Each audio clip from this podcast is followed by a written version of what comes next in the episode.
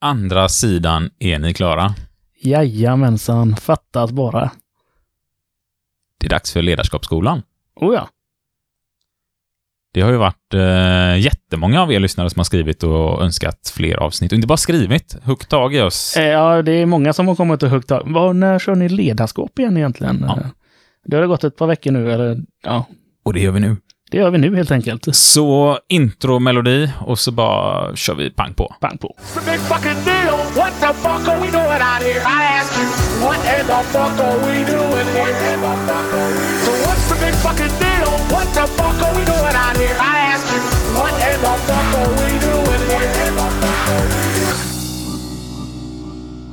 Jim, du brukar ju gilla att gå i berg och grejer och klättra och sådär.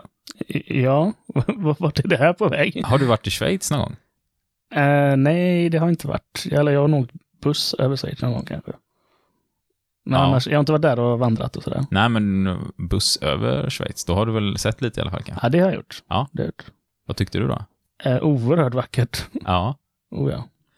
Vi hade så här för någon sommar sedan så bilade vi lite och så bodde vi på en jättehärlig gård i Italien och på den här gården, det var, det var fantastiskt för alla liksom så här pratade med varandra och det var så himla trevligt och gemytligt och då kom det fram en eh, kille som var advokat och började prata lite med mig. Eh, Han var advokat i Schweiz och han berättade att det var komplicerat liksom, för allt skulle utföras på engelska i och med att de har ju tre olika Ja, det, Språk. det är mäckigt. och ingen vill ligga i underläge. Så det är liksom viktigt att eh, det är på lika villkor för alla. Liksom. Och då hade de i princip bestämt att man köper engelska överallt för att det ska vara rättvist för alla. Är, ingen har engelska som modersmål. Liksom.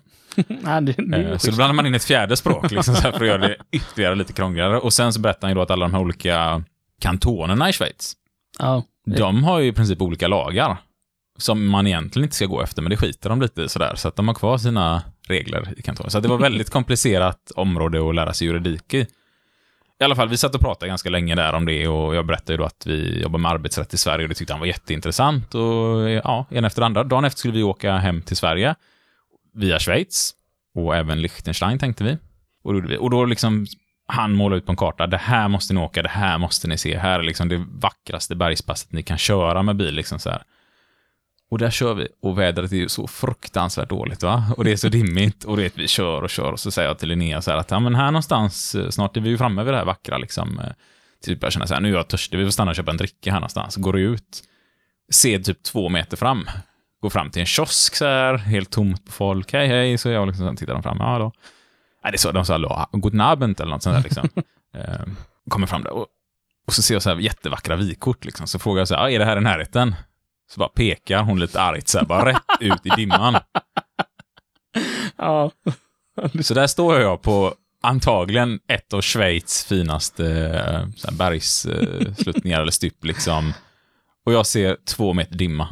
Alltså jag Mm, ser ju inte ens, när jag går fram till kanten så ser jag ju inte ens, Ja, du ser ju inte ens ner liksom. liksom, Nej, för man nej, ser bara sjukt två tråkigt. meter ner liksom. Så så här, ja kul. Men foton fick du se i alla fall. Men foton finns och de var så vackra. Ja, Gud vad skoj. Otroligt vackra. Vad trevligt. Så att jag kan rekommendera att ni åker och tittar på foton i Schweiz. Vad bra. Ja. Jag tar det nästa gång. Och varför är vi inne på Schweiz? Jo, idag ska vi prata lite Carl Gustav Jung.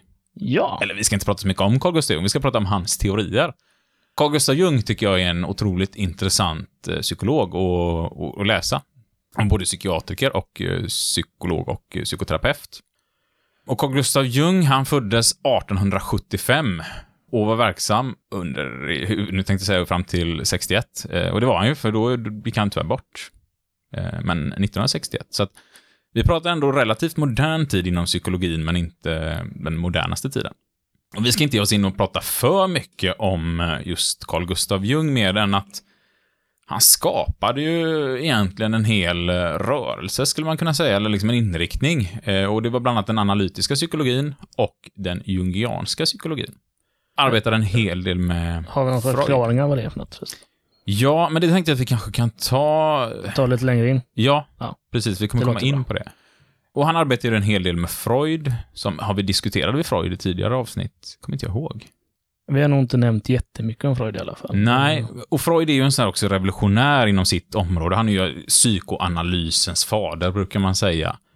Eh, och Freud får ju en del kritik för att han var, idag kanske vissa tycker att han var lite sån här mansvin och hade väldigt eh, förlagda åsikter kring eh, allt möjligt egentligen. Och mycket av hans egna problematik ansåg han att andra hade.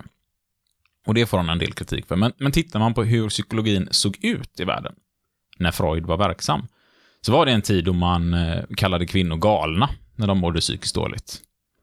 Och Freud var i princip den första som ansåg att eh, på samma sätt som vi talar med män så ska vi tala med kvinnor och kvinnorna kan också hantera sina egna problem, att det är inte är så mycket som skiljer oss åt. Så ur det perspektivet skulle man kunna kalla att det var liksom första gången innan man seriöst i den stora psykologin började i, i modern tid faktiskt behandla kvinnor på samma sätt som män och börja samtala. Och ganska snabbt så upptäckte Freud att många av de här kvinnorna, som man på den tiden kallade för hysteriska, hade blivit utsatta. Framförallt eh, sexuellt av släktingar.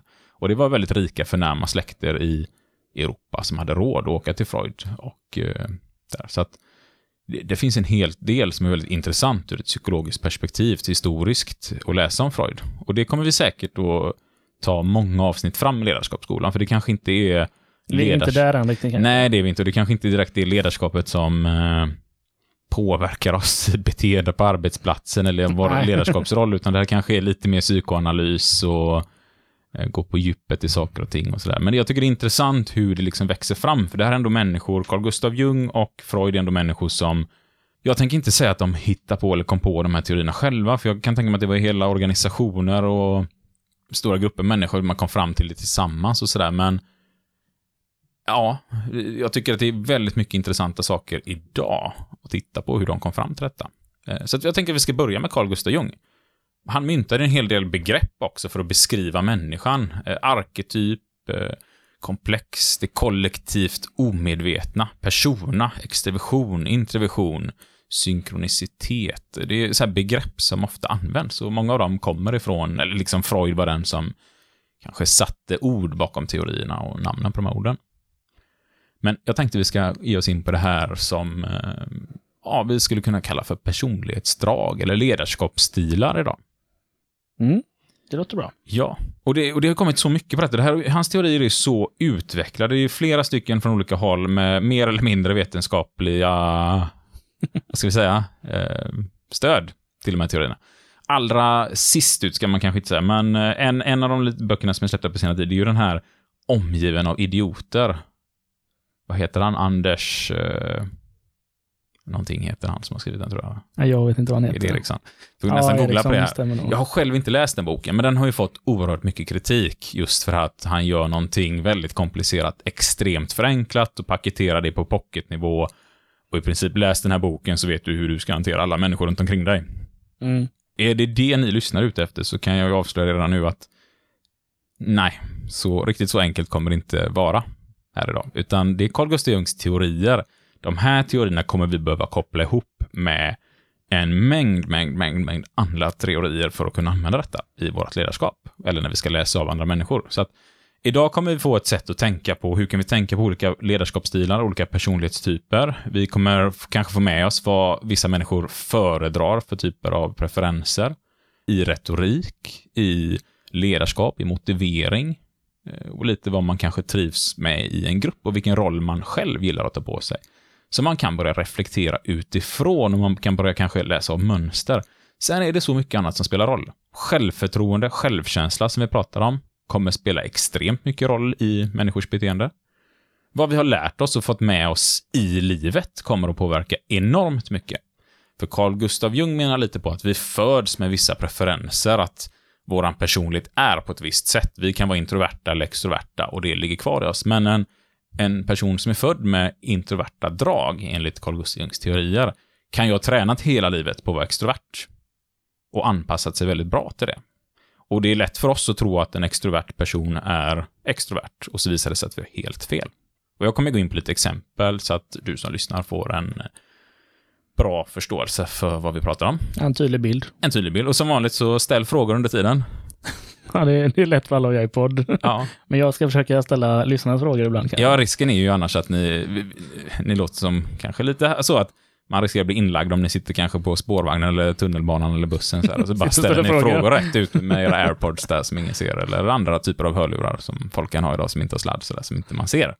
För det händer ju att man ser folk prata i headset och så undrar man om de är tokiga, va? Även om man, idag är man lite mer van vid det.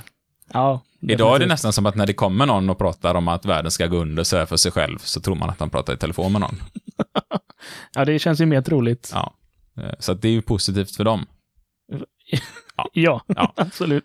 Vi ger oss in på det då. Vi tar en liten jingel här igen och sen ger vi oss in på de här teorierna. Det gör vi.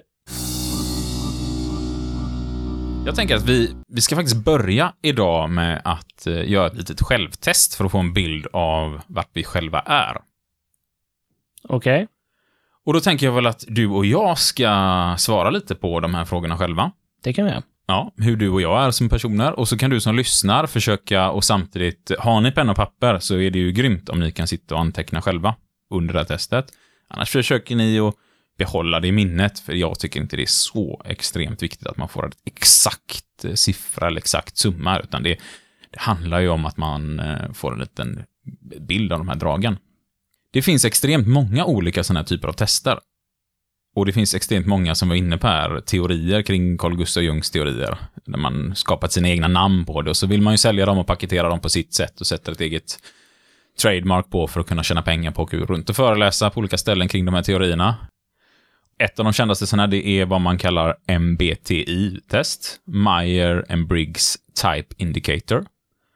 Och det var en mor och dotter som under, jag tror det är under 40, 50, 50-tal kanske, tog fram en sån här för att då var det många kvinnor efter kriget som kom ut i arbete inom industrin. Och eh, hade man då växt upp som kvinna hemma, haft en eh, mamma som var hemmafru, en mormor som var hemmafru och kanske mormors mormor var hemmafru. Och plötsligt så ska du välja ett yrke. Och i samhället så var det bara nästan män som jobbade. Ja, det blir inte lätt. Ja, vad väljer man då? Går man och gör ett test eller? Samhället var ju inte så genus på den tiden att man kände så här att eh, nej men jag är kvinna men kan jobba som snickare eller som bilmekaniker eller som arkitekt eller som, alltså, utan det, jaha, alla jobb är mansyrken, vad väljer jag nu? Ja, det blir svårt. Meyer och Briggs då, de började ta fram ett, eh, helt enkelt ett test för att testa sin egen personlighet, för att man skulle kunna på det sättet ta fram vad har du för personlighet och vilka yrken skulle passa dig. Och, och därifrån växte det fram, och idag är det ju ett sånt system som har utvecklats ännu, ännu mer om man använder det inom HR-organisationer, och sedan när du ska söka jobb så får du svara på tusen frågor för att veta om du passar Är, är det här någonting vi borde ge till Sebastian då? Ja, men det kanske det vi Med tanke på tidigare avsnitt. Jag kan, ju, jag kan ju säga som så lite att anledningen till att vi retas med Sebastian, eller jag gör det rätt mycket så om hans personlighet, är för att han och jag får ju exakt samma resultat i de här testerna. så i princip det jag svarar idag kan ni tänka er att det är ungefär samma som Sebastian. Så jag kommer göra lite narr av Sebastian idag. Och även av mig själv då. vet ni det varje gång. Så varje gång jag gör narr av Sebastian så är det egentligen att jag gör lite narr av mig själv också. Och det kommer, det kommer vara så, då. jag kommer prata jättemycket stereotyper, jag kommer göra jättedrivet överdrivna personlighetsdrag för att liksom göra det tydligt vad det är vi menar med detta. Ofta ser det inte så överdrivet ut i verkligheten. Och det är också för att det ska bli lite roligt att lyssna på. Det låter bra. Ja. Och den här Myron Briggs eh, Type Indicator, det finns ju också andra varianten jag kommer inte ihåg alla de här namnen, men de här testerna kommer ofta fram till att de här personlighetsdragen får olika namn. Den här boken vi pratade om innan, omgiven av idioter, om jag förstått det hela rätt, så använder de eh, färger i den. Röd, gul, grön och blå person eller något sånt där. I den som jag åker runt och föreläser om så har jag också satt färger på mina, eh, även om jag också använder namn på de här olika personligheterna. Och mina färger är helt annorlunda. Ja, de det är, är- samma färger, men Det är samma olika färg men personer. olika... Så när jag kör det här ute och folk har läst hans bok så blir de så här, nej men eh, jag var ju en eh, röd person egentligen. Så ja, det är inte så viktigt vilken färg din personlighet har, för att det, det är ju ingen färg på din personlighet egentligen. Och då menar jag inte att de är gråa människor, liksom, utan, utan det är ju bara någonting man har sagt för att det ska vara lite pedagogiskt att titta på de här modellerna. Ja, jag vet inte om jag vågar byta färg på mina här nu, då kanske man blir stämd av någon sån här eh, person som har Behåll du dina trademark på färgerna. Jag vet inte hur det funkar riktigt. Vi försöker hålla oss för att inte bli stämda i alla fall. Nu skrattar Jim. Ja, det låter men, väl Men vi gör ju faktiskt Ja, det gör vi faktiskt. Annars hade vi haft massa musik i podden och Ja, sådana grejer. herregud. Jag hade spelat varenda Lynyrd Skynyrd-låt som finns här. Eh, Men nu ska vi inte hamna, Nej, hamna där idag.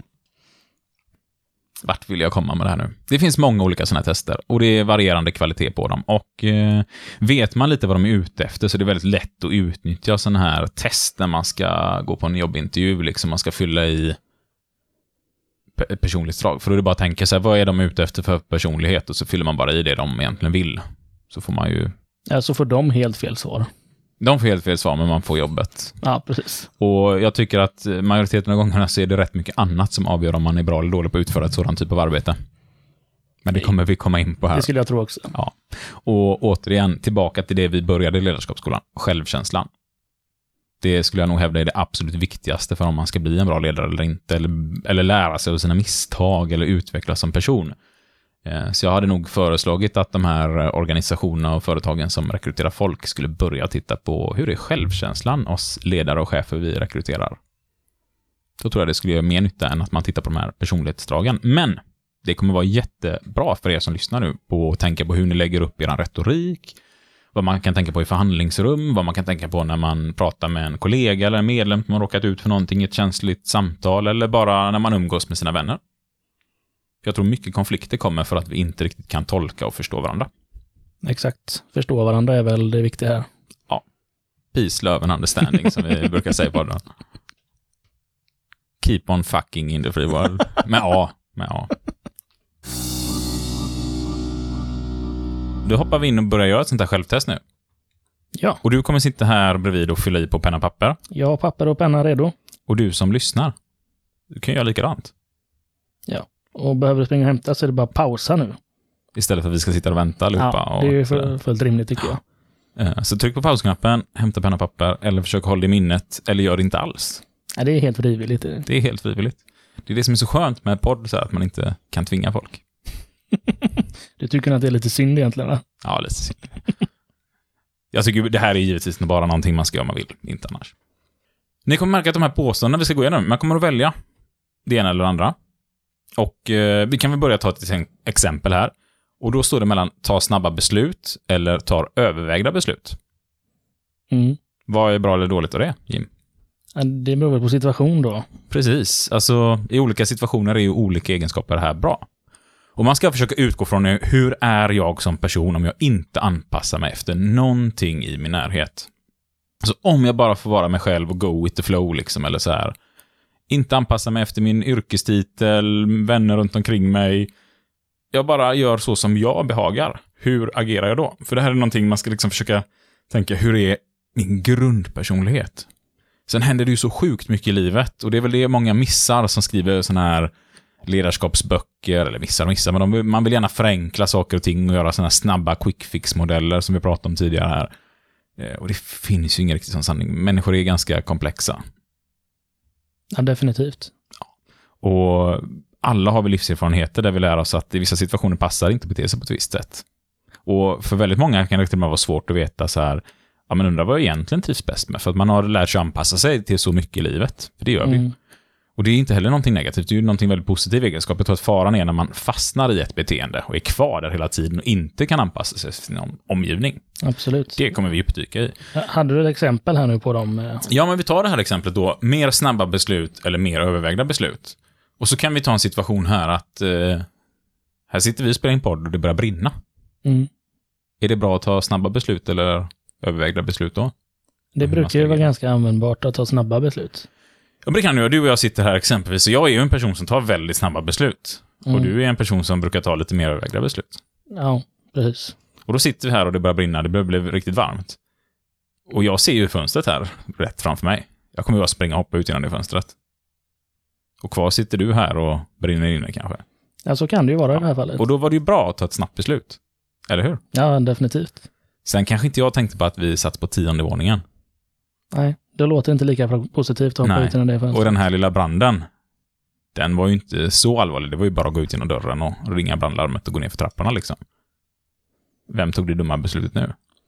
Ja, det, det ändrar sig ju ganska fort då. Det gör ju det, va? Så att det är ju helt anpassat efter omständigheterna runt omkring.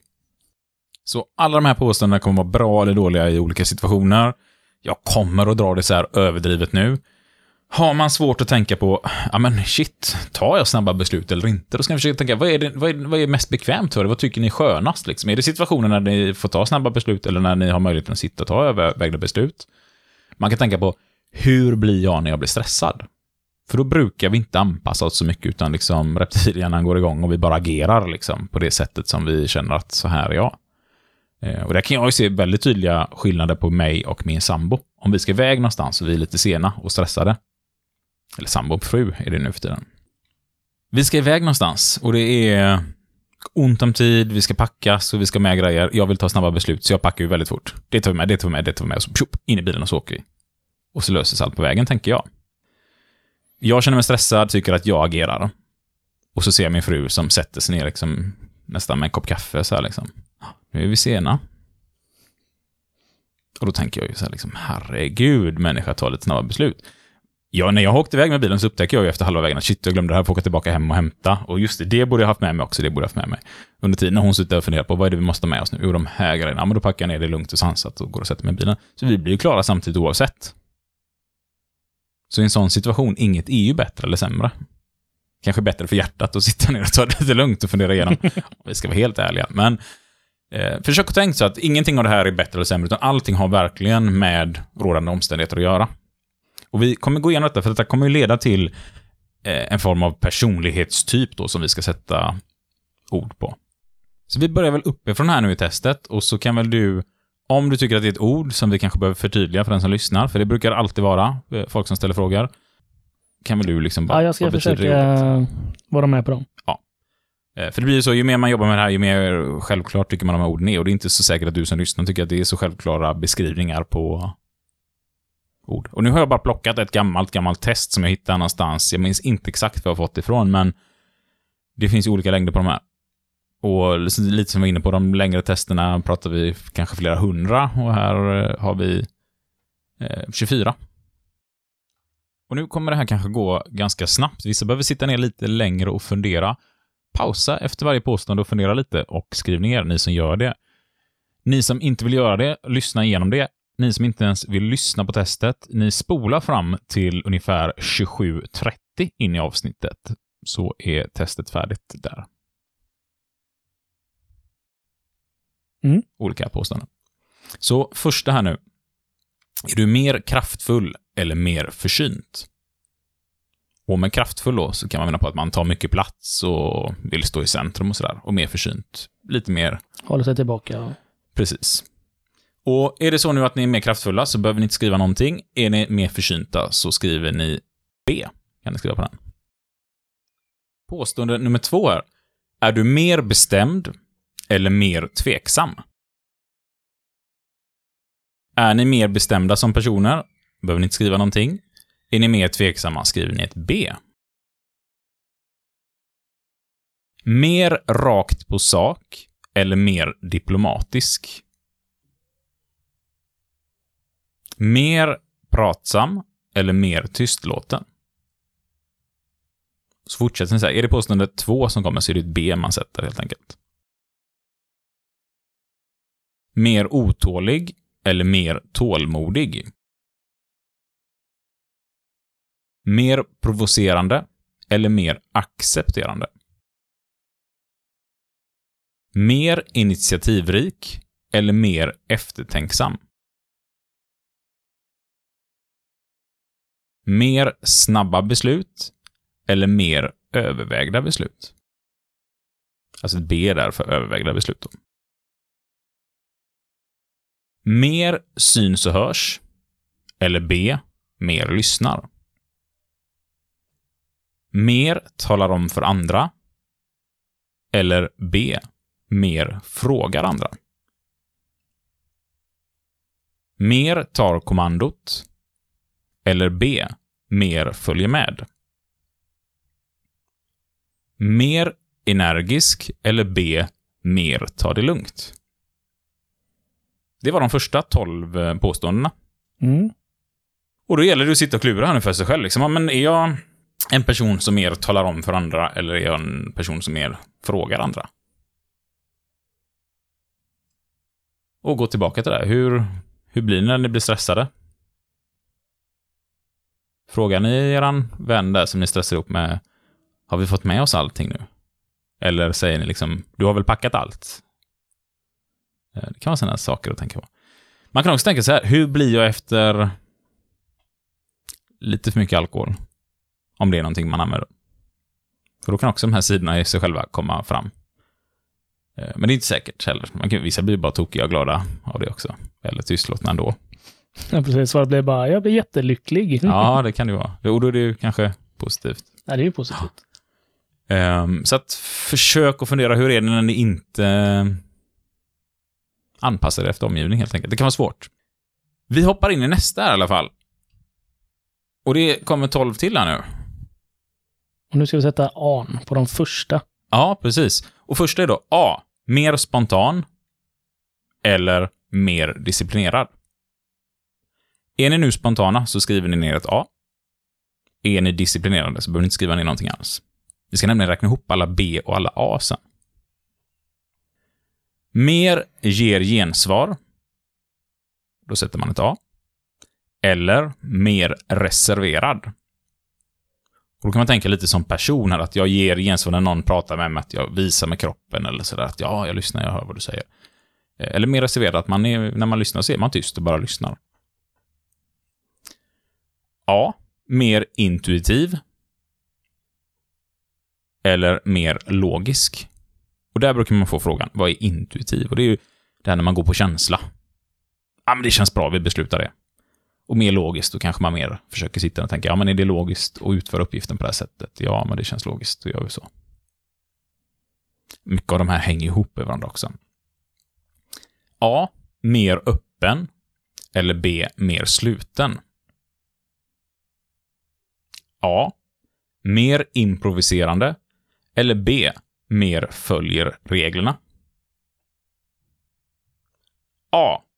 Mer kommer nära. Eller mer håller avstånd.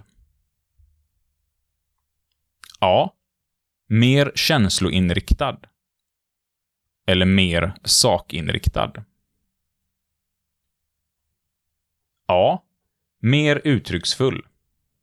Mer avmätt. Ordet avmätt då. Ja, i det här syftet så är tanken lite så här, är jag uttrycksfull? Eh, när jag berättar saker, är det mycket extra intryck eller sådär liksom förstärkningar? Salta, brukar mina kompisar Mm, kalla det. det. Man saltar en historia sådär. Gör det lite extra spännande. Eller är det mer avmätt att man kanske berättar sakligt vad som hade hänt? Mer oorganiserad? Eller mer ordning och reda? Mer visa känslor? Eller mer håller tillbaka känslor? A. Mer kreativ. Eller mer analyserande? A. Mer slarvig. Eller mer noggrann? Nu ska man ju då så räkna ihop de här resultaten och då ska man räkna ihop alla B-svar man fick på de här första 12 stycken påståendena och sen alla A-svaren. Det här resultatet kommer leda fram nu till att vi ska titta på en liten modell som på något sätt ska förklara lite vad olika personligheter har för preferenser. Och lite som vi var inne på här innan, att det behöver egentligen inte betyda någonting, utan det är... Ja, men om jag är avslappnad och lugn och tycker att det flyter på, hur är jag då? Och inte anpassa mig. Så vi börjar med dig där, Jim. Hur många B fick du ihop? Jag fick upp 11 stycken. 11 stycken. Och hur många A fick du ihop? Fem stycken. Fem stycken. Ja, och då är det nog kanske inte riktigt jag som ska sitta och prata med dig, utan då är det ju en läkare kanske du borde träffa. Ja, det var ju tur att det inte spelar någon roll. Nej, så är det givetvis inte, utan det här säger inte mycket egentligen. Eh, mer än du har personlighetsdrag som är ja, demokratiska, diplomatiska, medgörliga. Kör tre begrepp här, för det finns mycket olika sådana modeller, man kallar det olika. Ja, det är brett. försöker vi plocka in många mallar i samma. Eh, Men precis, alltså B-svaren här egentligen talar om, är jag i min natur en eh, medgörlig, diplomatisk eller demokratisk person? Liksom? Och har man inte så många B, ja, jag, jag fick noll B. Då är man istället ja, alltså dominant eller styrande eller ledande, beroende på vad vi vill använda för ord här, i sin personlighet. Det behöver inte betyda att man är en ledare. Absolut inte. Men att man tror att man är det. Eller försöker det. Eh, sen har vi då den här, eh, alla A-svaren. Och hur många A fick du? Jag fick ju fem. Fem stycken A. Då hamnar du lite sådär mitt emellan två ska vi säga. Men det är den som talar om om man är extrovert eller introvert som person. Och introvert, då är man lite mer sluten till sig själv och extrovert lite mer öppen sådär för omgivningen och mer uttrycksfull liksom. Och det kommer vi prata om också. Det är ju två begrepp som idag, alltså för tio år sedan så var det inte så många som visste vad introvert och extrovert var, men idag pratas det rätt mycket om de här begreppen. Och det, vi kommer prata om det idag. Um, jag där får 12 stycken uh, A, så jag hamnar ju högst upp på den här extrovertskalan. Och, och för att titta på det enkelt nu helt enkelt, så gör man så att man uh, kan tänka sig framför två stycken, ja, vad kallar man det? Axlar. Axlar. Och den ena axeln kallar vi A-axel och den andra axeln kallar vi B-axel, helt enkelt. Uh, och då kan man måla upp ett litet fönster för sig själv mentalt nu. Eh, när ni tänker er fyra stycken rutor. Och beroende då på hur många A man har fått så hamnar man ju olika högt på den här A-axeln. Och hur många B man har fått så höger och vänster på den här axeln. Så tänker ni helt enkelt ett fönster med fyra stycken rutor. I det här fallet då så hamnar jag högst upp till vänster. Och det är en personlighetstyp som vi skulle kunna kalla för motiverande, igångsättande personlighetsdrag. Och Jim då, då hamnar ju du... Ska vi se hur många B sa du att du hade nu? Du hade 11B. 11 B. Du hamnar ju väldigt långt till höger i det här fönstret. Och sen fem stycken A. Mm. Eh, ganska nära mitten mellan de här två stycken personlighetsdragen, där det ena är, som är högt upp, är stödjande personlighetsdrag och lite längre ner analyserande personlighetsdrag. Sen kan man ju sätta tusentals olika namn på de här och det är ju liksom bara... Ja, och sätta namn på någonting helt Alltså, det enkelt. ska förklara vad det är Ja. och så- personligheten är. Ja, och där tycker jag att det ger liksom ingen större nytta. Det är bara för att man ska kunna förenkla när man pratar så här. Så att, men vi kommer att kalla det här då igångsättande, stödjande, beslutsam och analyserande person. Och jag tänker vi ska börja nu för att det ska bli tydligt för er som kanske inte har gjort testet och sådär också, att vi ska börja prata om de här fyra stycken olika ledarskapsstilarna eller personlighetsdragen eller vad vi nu väljer att kalla det. Vi kommer att göra detta jättestereotypt och ska försöka prata om det på ett lite roligt sätt. Eh, så ta nu allting med en liten nypa salt så här och tänk att folk är ju inte så här låsta i sina personligheter. Och det där kommer vi liksom återkommande komma tillbaka till idag. Men vi tar den här första, vi tar den här som jag hamnar i. Eh, den motiverande, igångsättande personlighetsdraget då. Där man är en väldigt extrovert person och man har eh, dominanta eller styrande då personlighetsdrag. Och då kan man säga att den här dominanta liksom, personen som är extrovert är eh, sprutande av idéer, liksom engagerad, stimulerande, motiverande, varmhjärtad, optimistisk och ganska balanserad person brukar man se dem här för när de använder de här egenskaperna vid rätt tillfälle. Och skulle vi dra igång med ett projekt där? Jag brukar dra som ett exempel när man är håller en kurs att man, vi ska bygga ett hus tillsammans, vi som är i det här rummet nu. Nu får vi hitta på att det sitter lite fler människor här inne då, eftersom vi inte har alla fyra personlighetsdragen här. Vi ska bygga ett hus och då vill gärna en person som mig, som är igångsättande, säga så här att vi gör det här och vi har kul på vägen. Det är väldigt viktigt för oss att man ska ha kul när man gör saker, att det ska vara energi i det, det ska vara roligt att titta på och komma igång och eh, man vill gärna spruta ur sig massa idéer. Vi, vi bygger ett sånt här hus, vi gör det här nu, vi sätter igång, vi kör med de här verktygen, det här satsar vi på. Nu jäklar, och man vill peppa igång gruppen, få igång allihopa som är där. Jag börjar, nu ser ju inte ni det, men jag viftar med mina armar och fladdrar med dem högt upp sådär. Och, och knäpper med fingrar och klappar med händer och vill gärna rygg, ryggdunka folk och liksom såhär, oh, nu kör vi! Så här, energi liksom såhär. Det, jag vill ju komma igång sådär. Och det kan ju leda till att vissa ser en som otroligt, otroligt engagerade, stimulerande, motiverande, varmhjärtade, optimistiska personer. Problemet, det är att någon med helt andra personlighetsdrag kan sitta där och tycka, gud vad den här dåren springer omkring fram och tillbaka, höjer rösten, viftar med armarna, kommer uppfatta mig som väldigt stressig, aggressiv, elak, jobbig, ivrig, väldigt slarvig, krävande och alldeles för mycket. Och det är en sån som jag då. Ja, det kan det ju definitivt vara. Visst finns det stunder du eh, tänker så om mig? Det har väl hänt några gånger när vi ska spela den här podden kanske. Ja. Jag tänker på det när vi skulle åka till Andrews bröllop här i somras, du och jag. Och vi skulle Ja, bo tillsammans fyra dagar i en skåpbil. Ja. Eh, göra alltihop.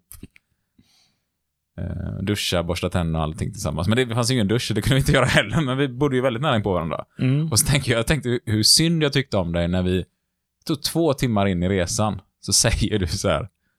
Herregud, ska vi åka tillsammans här i fyra dagar nu, tror jag du säger till mig. då, hade du, då hade du redan börjat få lite panik. Liksom. Och då kände jag så här, nu får jag Isak lugna ner lite. Men det var nog det här att då var vi precis igång. Jag kände, nu är vi på färd här. Gud vad kul det ska bli. Fyra dagar Ja, tillsammans. du var super, super duper taggad alltså. Så är det. Alltså jag blir ju sån. Eh, och det är liksom, det är jag när jag är i mitt S, när jag liksom kommer igång, nu jäklar är jag igång, vill sätta igång och arbeta, då blir jag sån. Och så samtidigt så, vi hoppar, ska vi hoppa till motsatsen här då, den analyserande personlighetstypen? Där du hamnar, du hamnar ju någonstans mitt emellan stödjande och analyserande personlighetsdrag. Men vi hoppar till analyserande, och du är precis, eh, hamnar i samma fack nu som min eh, fru. Och jag tror när du gjorde den här förra gången så tror jag du hamnade på den stödjande Ja, jag brukar hamna där. Jag har gjort den här ett par gånger med. Ja. Och det här, det här är ju sånt som alltså... Carl Gustav Jung menar ju på att vi föds med de här egenskaperna. Det finns andra som menar på att det här förändras under livet. Jag tror personligen att det handlar väldigt mycket om att vi lär oss och anpassar oss otroligt mycket under livet. Så att när vi gör det här testet så kan det vara väldigt svårt att känna, undra hur jag egentligen, egentligen är om jag inte hade utvecklats eller behövt anpassa mig till någonting annat. Och jag tror att ju mer man gör de här testen, ju mer kanske man finner svaret på sig själv och reflekterar över, undrar hur jag egentligen är när jag känner av. Så man ska ta sitt resultat med en nypa salt här också. Man kanske ska göra om det här ett antal gånger och börja reflektera lite mer. Så här liksom, är jag slarvig som person eller är jag väldigt ordningsam? För det kan vara så att jag har lärt mig hela livet att hålla ordning på allting. Och det är klart att jag kommer uppleva mig som en väldigt ordningsam person. Men det kanske är någonting att jag måste lägga fokus på att vara ordningsam. Det kanske inte faller sig naturligt. Eh, och det kan ju folk då när de kommer in på mitt kontor så kan de tro att jag är otroligt ordningsam som person för att det är sorterat och det är ordning och reda och städat och ser väldigt ordning och reda ut. Men det är för att jag är så otroligt slarvig. Så jag vet att om jag vill kunna sköta mitt jobb så behöver jag lägga mycket fokus på att ha ordning och reda. Annars blir det bara höga med papper överallt. Så det tvingar jag ju mig själv till. Ja, Alltså, jag har nog förändrats en hel del. eh, Jag har blivit mitt jobb mycket mer som ja, klubbordförande. Att jag har blivit mer analyserande och mer eh, ordningsam i den eh, ja, rollen. Ja, för du, du jobbar så mycket med det här att du har anpassat liksom ditt sätt att vara på för att det ska bli bästa resultatet i ditt yrke. Ja, precis. Och så drar man med sig det hem, liksom, i vissa fall i alla fall. Ja, ska vi vara helt ärliga så du jobbar ju väldigt mycket också.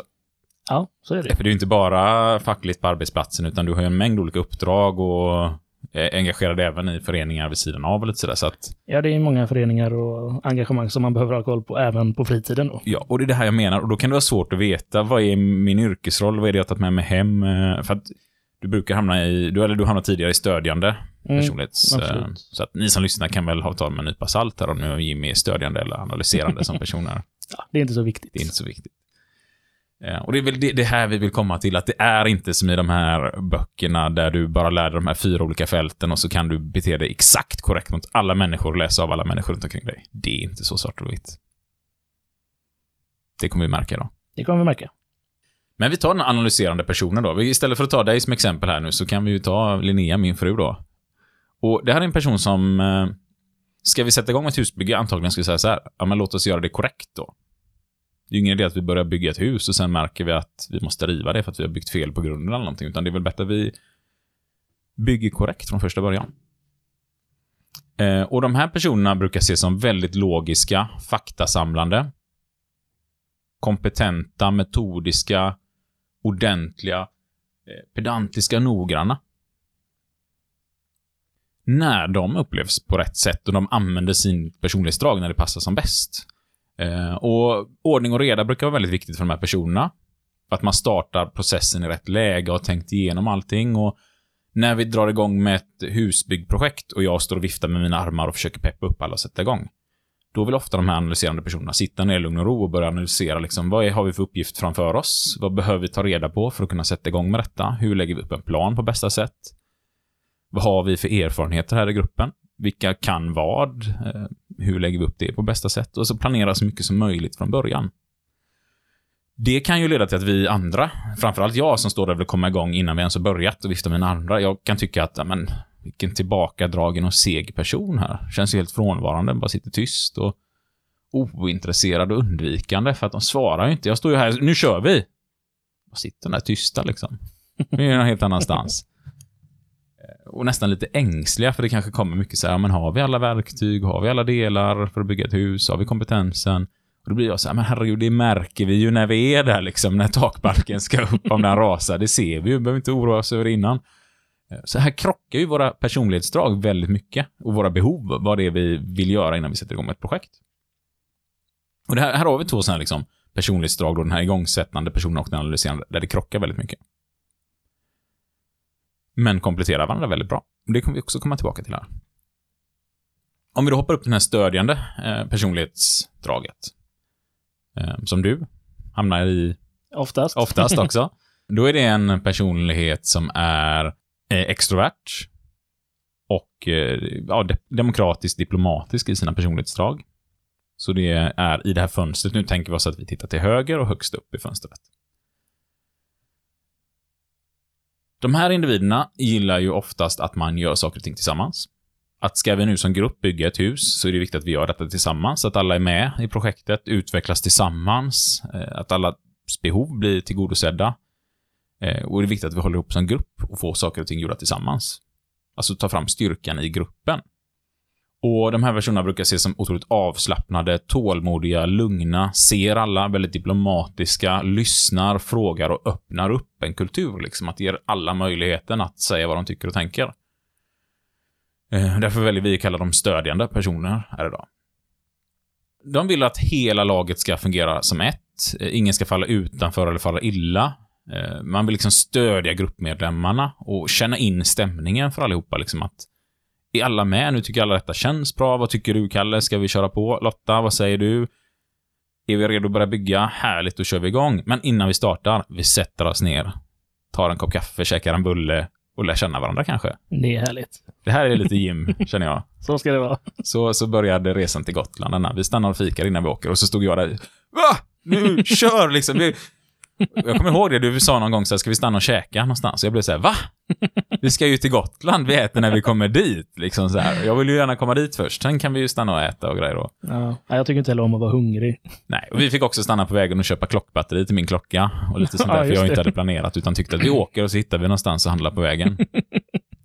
Så var det ju lite faktiskt. Ja, det var verkligen så. Eh, och så här i efterhand så det är det är ju lättare att hitta ett ställe att köpa klockbatterier och, och fixa det i en storstad som i Göteborg där vi bor, än att bara liksom längs, längs vägen någonstans hittar vi det. Ja, precis. Så det är ju inte alltid bra att bara hoppa pang på. Men det löste sig. Ja, till slut så. Vi kom fram till Gotland. Motsatsen till den här stödjande personen då, den beslutsamma personen, en person som är introvert och dominant styrande i sina personlighetsdrag. Vi tänker oss alltså nu fönstret längst till vänster och längst ner. Hur många an eller ben har man då? Det kanske vi skulle gjort tidigare. Ja, det kanske vi skulle sagt tidigare, ja. Ja, Smart. så att folk kan hänga med på vart de är själva. Ja, men det kommer nu då. Då kommer det nu. Så kan man spola tillbaka och lyssna om, om det vi har varit otydliga. Eh, men eh, en beslutsam person då har färre A och färre ben. En igångsättande person har många A och färre B. En stödjande person många B, många A. Och en analyserande person många B, färre A. Så. Något tydligare i alla fall. Ja, det känns ju som att vi i alla fall har berättat. eh, Ja, jag tror också vi gör så att vi lägger upp en bild Ja, det känns till eh, på Facebook och Instagram-sidan och den hittar ni ju på söker ni på Fuck You Podcast. Ja, på jag har Facebook, fått in det mitt i avsnittet också. Det Ja, det är proffsigt. Vi kommer säkert glömma det i slutet för Sebbe inte Sebbe inte här. Den här beslutsamma personen då, den dominanta, styrande, introverta. Det är en person som, när vi ska sätta igång med det här projektet, skulle säga så här, ja men låt oss få det gjort. Om vi ska bygga ett hus nu så är det viktigt att vi gör det. Att vi inte bara lullar iväg annat, utan att vi faktiskt får byggt det här huset, för snart kommer kanske vintern och då behöver vi någonstans att värma oss. Annars kanske vi till och med fryser ihjäl och dör, liksom. Det är kallt i Sverige. Så det är ju väldigt viktigt att vi slutför vår uppgift. De här beslutsamma personerna brukar ju ses som väldigt drivande, ambitiösa, viljestarka, beslutsamma personer som får det gjort och personer som man ofta kan lita på. Har en sån här eh, beslutsam person sagt att den ska göra någonting så blir det liksom gjort. Och man kan se det som att de här personerna, de vill nå målet oavsett priset. Liksom. Det, slutföra är jätteviktigt att hålla vad man har lovat. Eh, och de, de njuter liksom och strävar mot att lyckas med det här. Det leder ju dock till att vi andra, vi kan tycka att de här personerna är lite diktatorer, hänsynslösa, känslokallande, de sätter liksom uppgiften framför vårt välbefinnande, ibland kompromisslösa och krävande. De vill inte ut och fika med mig. De vill inte sitta och fika med dig. Nej, För det här är ju din motpart. jag är lite ledsen nu. För så är det, att när du vill sätta dig och fika och komma igång här liksom med uppgiften, du vill sätta dig och fika, alla ska lära känna varandra, för då lär vi också, vi får ju också reda på varandra. Vem har snickrat innan? Vem kan det här med husbyggen? Man lär ju sig väldigt mycket om varandra. Då tycker ju den här eh, beslutsamma personen antagligen att gud vad löjligt, ska vi sitta och börja fika när vi ska sluta en uppgift? Det kan vi väl göra när vi är klara istället, det är väl trevligare, så vi vet att vi är färdiga och hinner klart i tid. Det blir ju en liten krock där.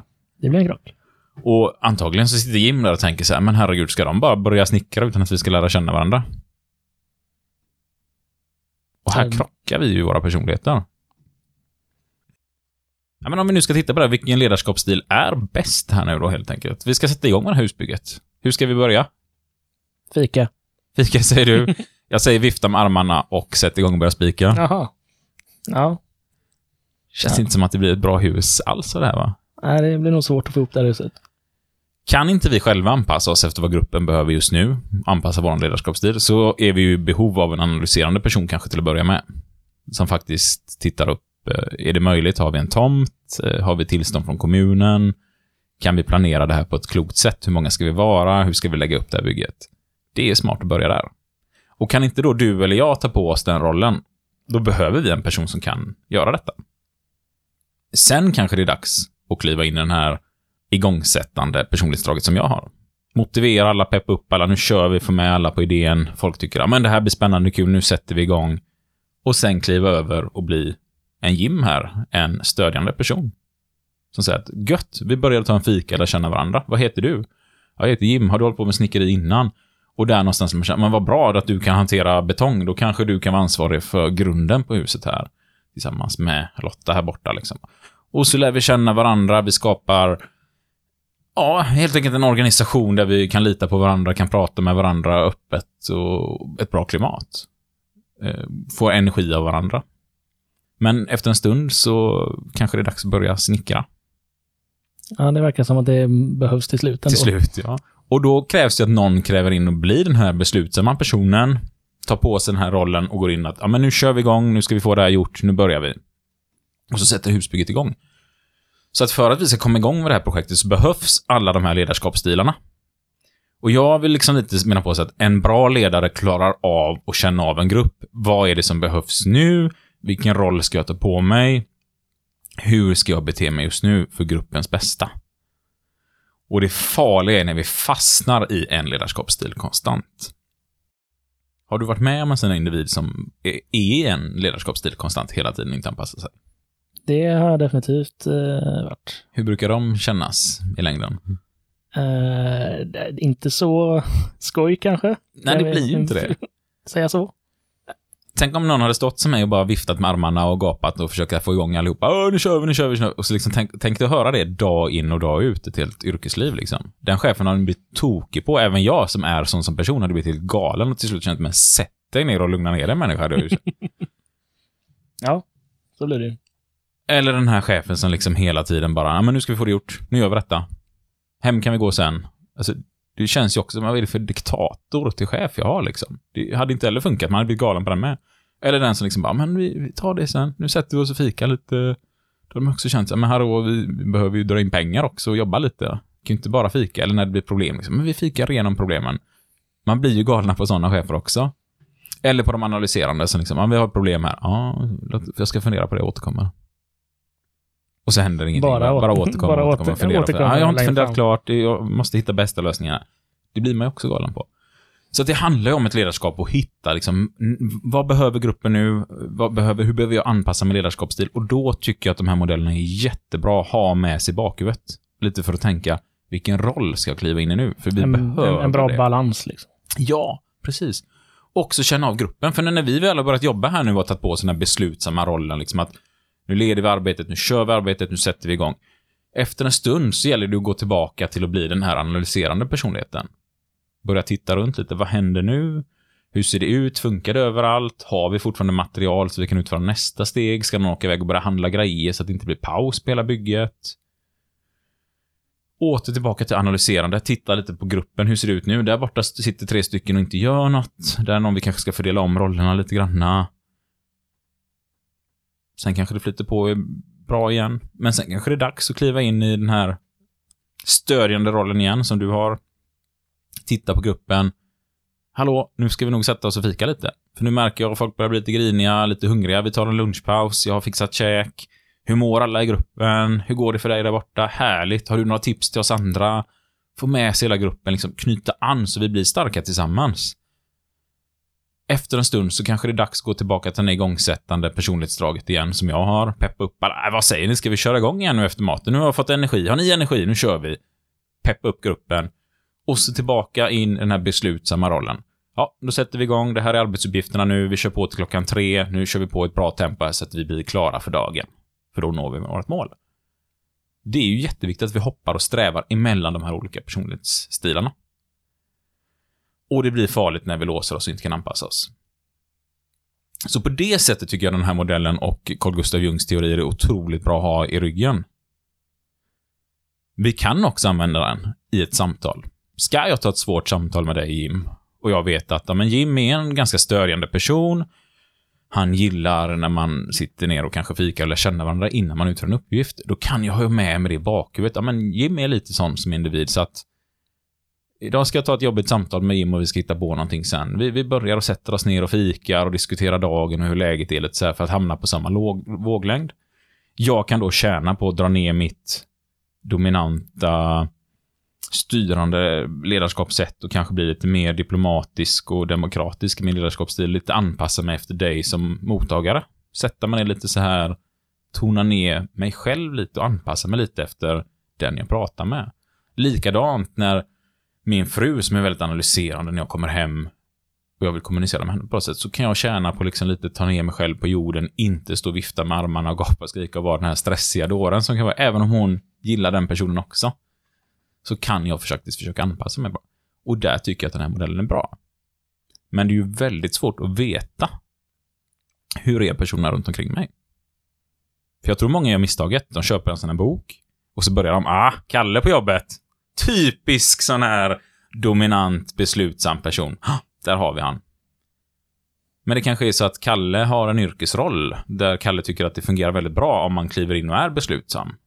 Och därför tar på sig den rollen. Men i själva verket kanske Kalle är en väldigt stödjande person som älskar att fika och samla gruppen och hitta styrkan i varandra. Och när Kalle går hem från jobbet så kanske Kalle är en helt annan individ än på sin arbetsplats. Och så tänker jag så här, men Kalle är en sån här beslutsam diktator. Jag vet jag ska handskas med sådana. Och så går man in och handskas på samma sätt mot Kalle. Och Kalle kommer antagligen tycka, vad märkligt Isak beter sig just nu. Så här brukar ju inte Isak vara. Ja. Och då har ju de här självhjälpsböckerna inte hjälpt ett dyft. Nej, det är ju dumt att döma andra så att säga, efter de här. Precis. Jag tror snarare man ska ha med sig kunskapen om att vi kan fungera på väldigt olika sätt. Det här är teorier, man kan inte bevisa att så här är det. Jag har valt att tro på just Carl Gustav Jungs så här grundteorier om att jag tror att vi har personlighetsdrag, jag tror att vi föds med vissa grejer och att vi helt enkelt upplever ett kognitivt flyt eh, när livet är på ett visst sätt. Det är avancerade ord. Det är avancerad flyt, men vi upplever eh, att livet liksom flyter på och det känns harmoniskt och bra när det fungerar på ett visst sätt som passar våran ledarskapsstil. Och vi upplever det som att vi behöver lägga mycket mer tankeenergi på saker och ting när vi konstant måste anpassa oss och bete oss på ett annat sätt än hur vi kanske är från början. Ja, man är bekväm med en roll. Ja, precis. Sen så tränar vi på det under hela livet och blir så bra på det så att ibland kanske man inte ens märker att man lägger mer tankeenergi, för man gör ju inte det till slut, att man är van och tränat på det. Men vi kommer komma in på det här lite med den kognitiva utvecklingen längre fram också. Och vi kommer prata lite, eh, den här boken Tänka snabbt, tänka långsamt, som Danny Kahneman, Nobelpristagaren, har skrivit. Så vi kommer komma in på det längre fram i podden. Så det tror jag på. Men jag tror inte att det löser liksom alla mina sätt på hur jag ska bemöta andra människor, eller det handlar liksom inte om att Åh, nu är jag tankeläsare och vet hur jag ska bete mig mot alla. Då är man nog lätt ute och cyklar, utan snarare skapa sig en tanke åt att jag vet inte hur den här personen jag möter är i sina eh, i sitt sätt och beteende, sitt sätt att vara eller vad den personen uppskattar mest hos andra människor. Så att jag bör nog tanka på att jag anpassar mig efter att folk är olika. Det är viktigt. Ja, och precis som det här exemplet nu när vi tog det här med att bygga ett hus här. Vi kommer ju skap, det kommer komma hända problem i husbygget här också. Efter en stund kommer folk bli väldigt omotiverade och känna så här, nej, nu har vi hållit på med detta länge, det kommer ingenstans. Och då är det jätteviktigt att plocka fram egenskaper som är motiverande och igångsättande. Och det är det folket behöver just då. Peppa upp folk när folk inte orkar eller är trötta. Eller så kanske det är dags att förklara på ett bra sätt liksom att vi måste få det gjort. Snart kommer kylan. Var tydlig, beslutsam att nu jäklar får vi faktiskt sätta igång här, för annars fryser vi ihjäl snart. Vi har bara den här veckan på oss, sen är det minusgrader. Och vad jobbigt det kommer bli att stå ute och bygga i minusgrader. Eller att, ja men nu är det dags. Nu måste jag gå in och tala om att vi behöver fika tillsammans. Vi behöver sätta oss ner, hitta lite energi en lite lugn och ro och prata igenom detta. Eh, och likadant, gå in och bli analyserande när det behövs. Och så här tycker jag man kan tänka i nästan allt man gör. Alltså när jag håller en facklig utbildning så försöker jag med mig detta att det kommer att sitta en hel del personer på utbildningen som är som mig, igångsättande. Det kommer att sitta en hel del personer som är stödjande. Det kommer att sitta en hel del pers personer som är beslutsamma och en hel del analyserande personer. Vissa ligger kanske mitt emellan, vissa kanske anpassar sig jättebra mellan allt det här. Och vissa kanske är väldigt låsta i sin personlighet och har väldigt svårt att anpassa sig. Och då behöver jag lägga upp, för att jag ska kunna vara så pedagogisk som möjligt som föreläsare och få en rolig utbildning som folk, äh, folk uppskattar, så behöver jag ju hoppa lika mycket mellan de här olika grejerna. Innan kursen sätter igång behöver jag gå ner och bli analyserande. Hur får vi den här utbildningen på ett korrekt sätt genomförd? Vad ska de ha med sig när de kommer därifrån? Vad behöver vi för material? Hur lägger vi upp det? Hur ska passen vara? Och framförallt jag som vet hur slarvig jag är och hur mycket liksom jag bara kör på känn, så behöver jag kanske lägga extra vikt vid det här och tänka på att det här är ju mina svaga sidor. Mina styrkor är motsatsen till det här med att analysera. Det löser jag jättebra, så jag kanske bara behöver lägga fokus egentligen på att analysera innan. Resten kommer av sig självt för mig. Medan den personen som är otroligt analyserande kanske inte behöver lägga så mycket tid vid det, utan den tankarna finns redan här från början och kommer naturligt. Och försöka tänka på att ja, jag är ju inte så bra på det här med att peppa upp folk med en gång. Då kanske man behöver lägga lite mer fokus på det. Hur peppar jag upp gruppen när de kommer? Hur tränar jag upp det mig själv? För sen kommer gruppen dit och då brukar jag börja med att vara väldigt så beslutsam och tala om att eh, nu ska vi vara här i tre dagar. Det är de här reglerna som gäller eller det är de här tiderna vi har och ska följa. Det är det här vi ska gå igenom i utbildningen. De här grejerna får ni styra över själva. Sen ganska snabbt så trädde jag in i den här igångsättande personlighetsdragen igen. Det som är mig själv. Börja flaxa med armarna, peppa upp folk. Det här kommer bli riktigt kul. Vad vill ni? Vad vill ni få ut av kursen? Varför är ni här liksom? Och så här, nu jäklar. Och sen kliver jag in och blir en Jim här. En stödjande person. Nu skulle jag vilja veta vilka är ni som är här? Vad har ni för förväntningar på kursen? Vad vill ni lära er? Vad har ni för erfarenheter sedan tidigare? Och så får deltagarna berätta lite om sig själva, så att vi ska lära känna varandra. Och alla de här grejerna fyller väldigt viktiga funktioner för oss som grupp. Om vi tittar på, tillbaka på den här FIRO-modellen som vi pratade i för ledarskapsskolan för ett par avsnitt sedan. En himla massa avsnitt sedan. Ja, kommer ni ihåg det ni som lyssnar? Det var det här vi pratade om gruppernas olika faser, att man kliver in, alltså i början när en grupp träffas så är man väldigt sådär, vilka är alla andra här och oj, vad gäller nu? Och då krävs det ett tydligt ledarskap på vad är det vi ska göra, vart tar vi vägen? Sen behöver man ju skapa en gruppsamhörighet, att folk känner sig bekväma med varandra, att man börjar tycka om varandra och vill samarbeta. Skapa empati för varandra, allt det här. Och då behöver man ju kliva in och bli den här stödjande personen. Så att folk lär känna varandra. Sen kommer vi komma någonstans där det börjar bli konflikter i en grupp. Och då krävs det att man är väldigt analyserande och går in och analyserar de här konflikterna. Och sen krävs det att man kliver in och blir den här beslutsamma personen som nu ska vi reda ut de här konflikterna. Vi flyr inte ifrån detta. Det här blir jobbigt, men vi måste ta tag i det om vi vill komma vidare som grupp. När det är gjort så kanske det passar att gå tillbaka och bli lite igångsättande och peppa upp folk igen. Och sen kommer det flytta på av sig självt och då kan man som ledare backa tillbaka helt och hållet. Då kommer gruppen sköta det hur bra som helst. Och mycket av de här modellerna vi kör kommer vi koppla ihop till varandra.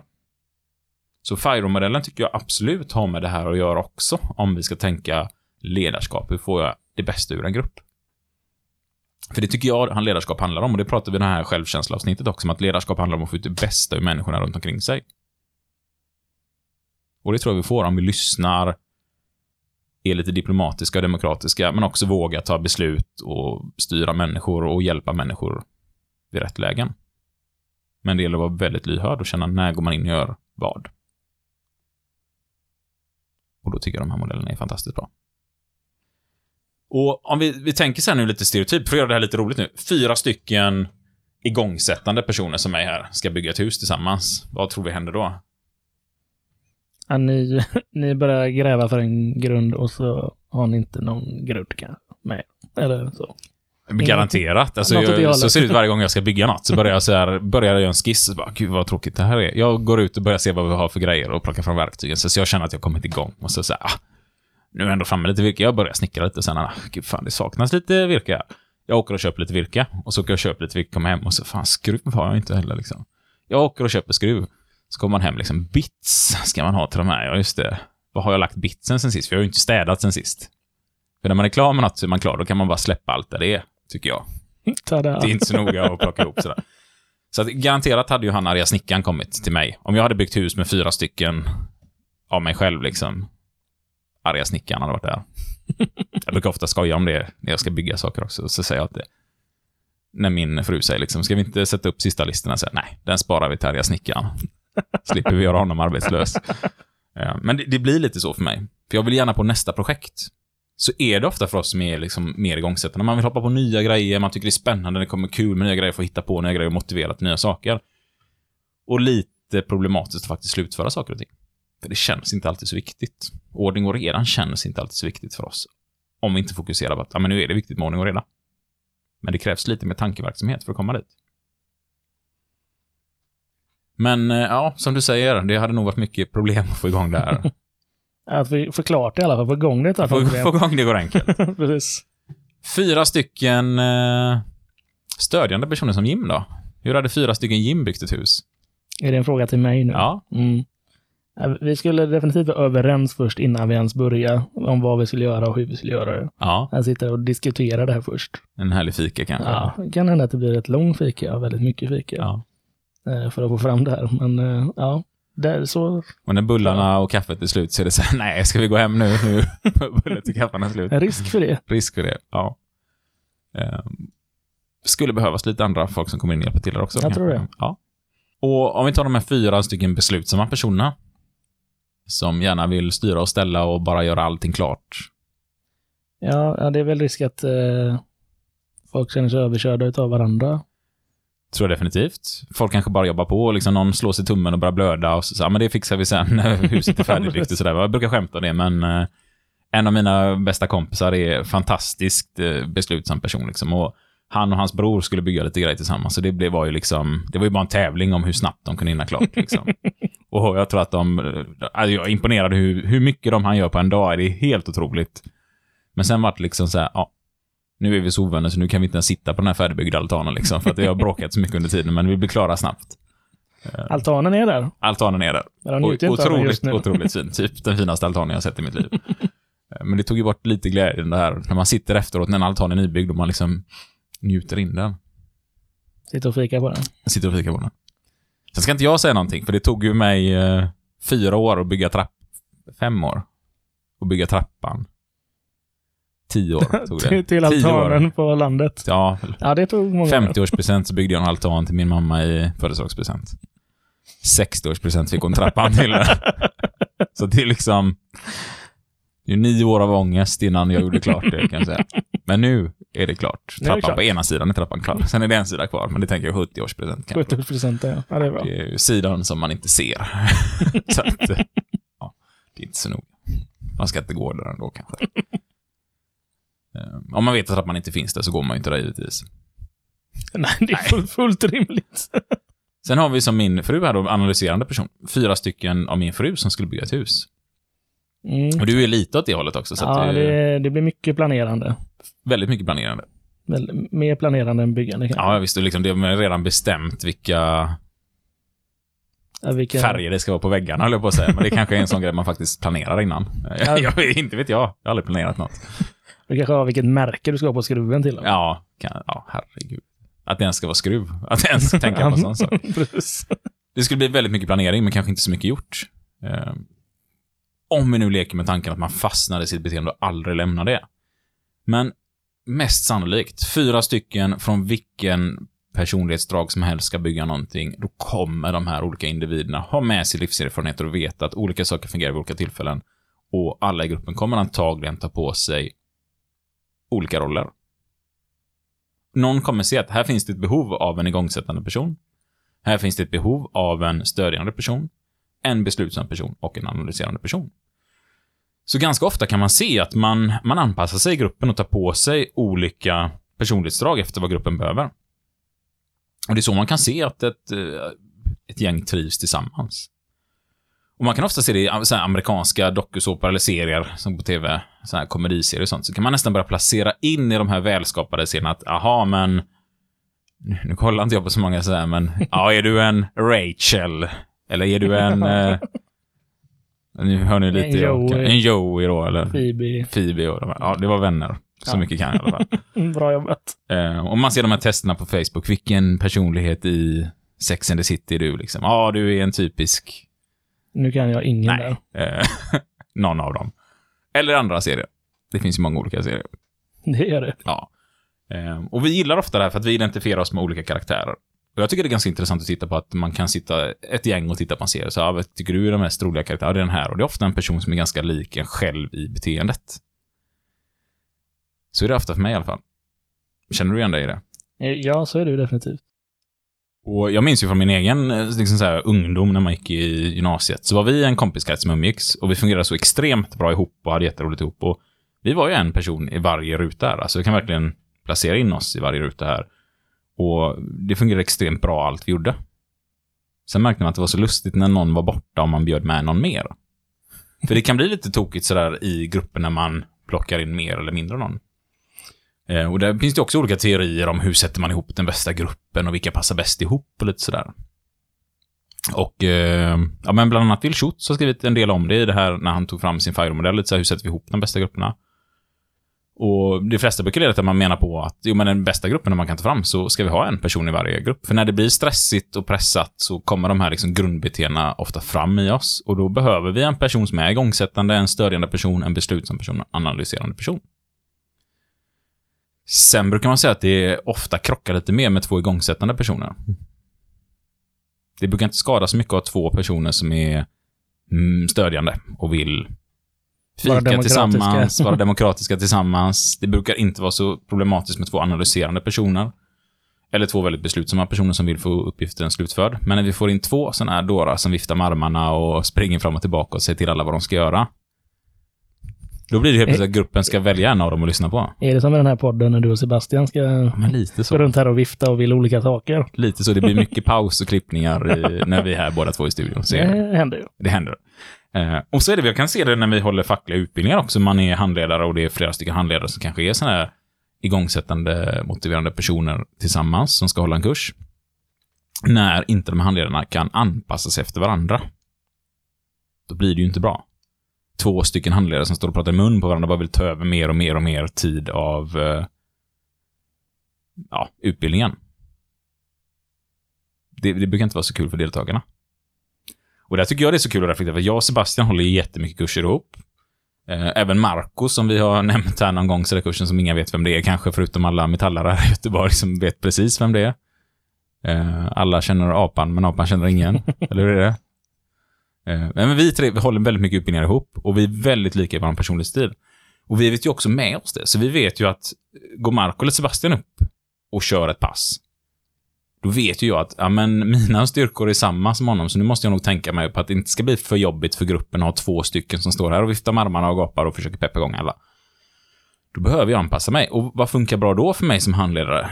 Om vi kör två ihop. Ja, men då funkar det kanske väldigt mycket bättre att bli en analyserande person. Att jag sätter mig tyst, tittar lite från ett hörn. Eh, vad gör gruppen nu? Hur reagerar gruppen när andra handledaren står och pratar? Eh, liksom känner av stämningen på kursen. Eh, sen kanske det funkar bra att kliva in i den här stödjande och bli lite Jim här och faktiskt tala om så här att eh, ja, nu börjar Sebastian sväva iväg här och det är snart lunchrast, så nu tycker jag vi bryter här för lunchrast och så fortsätter vi det Sebastian var sen. Jättebra. Och så funkar det väldigt bra för gruppen. Och sen kanske det är jag som går upp och då gör Sebastian eller Marco likadant och sitter ner liksom anpassar sig. Och så hoppar vi med de här ledarskapsstilarna. Och då brukar det bli väldigt bra betyg på en sån här utbildning, att folk tycker att ah, det var väldigt härligt och bra och de kompletterar varandra väldigt bra, de här handledarna. Det brukar faktiskt stå när vi har hållit kurs ihop. Det är kul. Det är nog det vanligaste som brukar stå, att de kompletterade varandra extremt bra. Vilket egentligen skulle vara en motsättning då om man gör en väldigt förenklad del av den här modellen och tror att ja, men tre stycken igångsättande personer kan inte hålla en kurs för det blir katastrof. Ja, om ni skulle vara helt låsta i era roller. Ja, men det har ju hänt. Visst har det funnits handledare och man har varit på kurser där de har haft två handledare som är väldigt låsta i sina personligheter och har likadana personligheter. Och så blir det nästan som en kamp om... Och det brukar inte bli så bra kanske. Nej, det låter ju inte jättekul att sitta på den kursen när handledaren ska strida. Ja, men precis. Och, och det har faktiskt hänt mig, men det var inte en facklig utbildning, men då stod det två handledare sådär liksom, och de var exakt likadana och de bara liksom försökte ta plats av varandra och man satt där och bara kände såhär, men herregud, vad är det som händer? Men då spelar ju också det här med självkänsla roll. Alltså känner man att man behöver bevisa någonting med sitt ledarskap? Känner man att man behöver, ja, jag måste vara ledaren för annars är jag ingen. Ja, då kanske man har väldigt svårt att anpassa sin ledarskapsstil och gå ner och bli analyserande. För då känner man att det jag, jag gör det där så mycket bättre än den personen, det måste jag få bevisa för alla. Och så har man problem att anpassa sig. Jag tror att det är väldigt farligt när man har en låg självkänsla, blir en ledare och så tror man att min ledarskapsstil är den bästa och det passar allt. Det tror jag är jättefarligt. Och en del ledarskapsböcker man läser där det faktiskt kan framgå att ja, men bästa ledarskapssättet det är en igångsättande, eller det är en beslutsam person. Och så läser man så här blir du extrovert, eller så här blir du dominant. Och så får man massa tips. Jag tror att sånt är livsfarligt. För då tror man att det är så man ska vara för att vara en bra ledare. Och så är det absolut inte. Och, och egentligen kalla det för liksom en ledande ledarskapsstil, det tycker jag är helt felaktigt för att den här analyserande personen, den stödjande personen, väljer ju att ja, du kan få vara den som kommer med idéerna och tar kommandot. Det är helt okej. Okay. Det betyder inte att den personen är ledaren.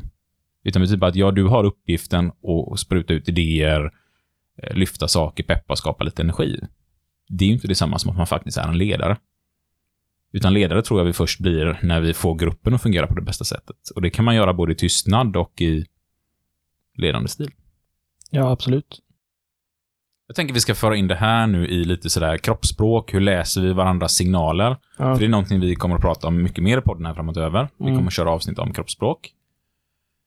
Börjar jag ställa frågan till det här, Jim. Kan man se andra människors känslor?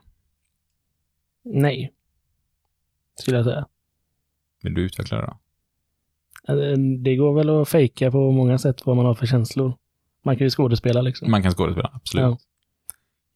Kan man se andra människors tankar? Det skulle jag säga är väldigt svårt. Det är väldigt svårt. Men det går, eller? Nej, jag kan inte det i alla fall. Du kan inte det. Det finns ju folk som hävdar att de kan det. Ja, precis. Jag tycker ju Henrik Fexeus är riktigt rolig att titta på ibland faktiskt. Och han är lite mer ärlig och talar om att han läser kroppsspråk, att han inte är tankeläsare. Eh, Men sen har han skrivit böcker som heter Konsten att läsa tankar. sådär. Men de går ut på hur tyder jag folks signaler, hur tyder jag folks kroppsspråk? Och hur implementerar, eller liksom hur lägger jag in folk, mina tankar i en annan människa lite sådär, eh, via exempelvis kroppsspråk. Och sånt kommer vi prata mer om den här podden, för det tycker jag är jättekul och spännande att hålla på med. Och göra lite egna experiment, så där kanske vi till och med gör. Försöka få Sebastian att göra någonting. Vi bestämmer innan ett avsnitt, så ska vi försöka få Sebastian att göra något under avsnitt. Det kan vi prova. Eh, jag hoppas att han inte lyssnar på detta nu. Men tillbaka till det här. Vi, jag hävdar ju också så här att vi kan inte läsa andra människors känslor och vi kan inte läsa människors tankar. Däremot, varje gång vi känner någonting så leder det till att vi tänker någonting. Eller tvärtom, varje gång vi tänker någonting så kommer det leda till att vi känner någonting. Och de här tankarna och känslorna, de leder ju oftast ut i att vi beter oss på ett visst sätt eller att vi får ett visst ansiktsuttryck eller att vi får kroppsliga reaktioner. Och de här reaktionerna, det här beteendet, de här uttrycken, det kan vi se och det kan vi bli duktiga på att tyda. Och det här tänkte jag vi ska prata om nu och gå tillbaka till ledarskapsstilarna, eller personlighetsstilarna. Och lite se hur kan vi använda det när vi läser av andra människor. Har vi något bra exempel? Alltså? Ja, Vi kan förklara det. det har vi. Och vi kan väl ta ett sånt här klassiskt exempel med liksom en fara som dyker upp. För när vi blir rädda så tycker jag det, det är ett av de mest tydliga uttrycken hos en människa att läsa av. När man blir stressad eller rädd för någonting. För då är det så mycket som händer med kroppen. Eh, och vi kan väl leka med tanken att du är och går på stan och plötsligt kommer en lös hund springandes i full fart och hoppar liksom och skäller mot dig. Jag det är inte hur hundvan du är. Men nej, jag, kan, jag hade nog blivit eh, skrämd om en hund kom skällande och hoppande mot det. Det hade jag blivit. Ja, det blir jag med. Jag är så dålig på hundar. Jag kan inte hundspråk eller liksom Nej, hundars in, kroppsspråk. inte jag ingenting. heller. Men jag fick lära på en, en av kurserna jag höll i kroppsspråk, så fick jag lära mig en kvinna där att eh, hon började gapskratta mitt i allt och tala om allt det du säger nu, gör man det mot hundar så blir de vansinniga liksom. Det förklarar en hel del för mig här nu. När jag förklarar så här, så här gör ni ett bra intryck liksom. Hon bara, oj, jag gör inte det mot en hund. Och så insåg jag att allt jag har gjort mot hundar är ju tvärtom här. Eh, visa tänderna och le och allt det där va. Och då tänker jag att jag ser charmig ut som Christer Sjögren, men det tänker inte hunden va? Eh, Vi fortsätter på Ja, exemplet. vi ska inte sväva iväg i Christer Sjögren, för då kan vi ha en egen podd om honom här. Jag tycker är otroligt bra på att sjunga i alla fall. Eh, Hunden kommer Hunden- hunden var det som springande var och skällande. hunden hoppar fram. Vad händer med dig när du blir stressad eller rädd? Eh, Jag hade ju hoppat till till att börja med. Ja. Och så jag kände, ja, det hade blivit lite svettigt och pulsen går upp och sådär. Eller så. Ja, för det är det som händer med oss människor. När vi blir rädda för någonting så har vi en del funktioner som ska sättas igång. Dels ska vi ju snabbt avgöra och tänka liksom fight or flight. Jag tror vi pratade om det i tidigare avsnitt, va? Det tror jag. Alltså fly eller fäkta kan vi väl säga på svenska. Mm. Ska vi gå till attack mot faran eller ska vi fly ifrån faran? Det ska vi bestämma oss blixtsnabbt på ett sånt här ögonblick liksom. Jag tror att jag av rädsla för hundar, liksom, eller inte för att jag är rädd för hundar så, men jag vet inte riktigt hur man hanterar en hund. Jag hade nog försökt att fly, tror jag min inställning har blivit. Ja, min med definitivt. Definitivt. Och då kommer ju kroppen ställas in på detta. Och vad behöver vi göra när vi ska fly från någonting? Jo, men det första som kommer hända är att vi spänner kroppen liksom. Tjup, allt går upp på högvarv, pulsen ökar, puff.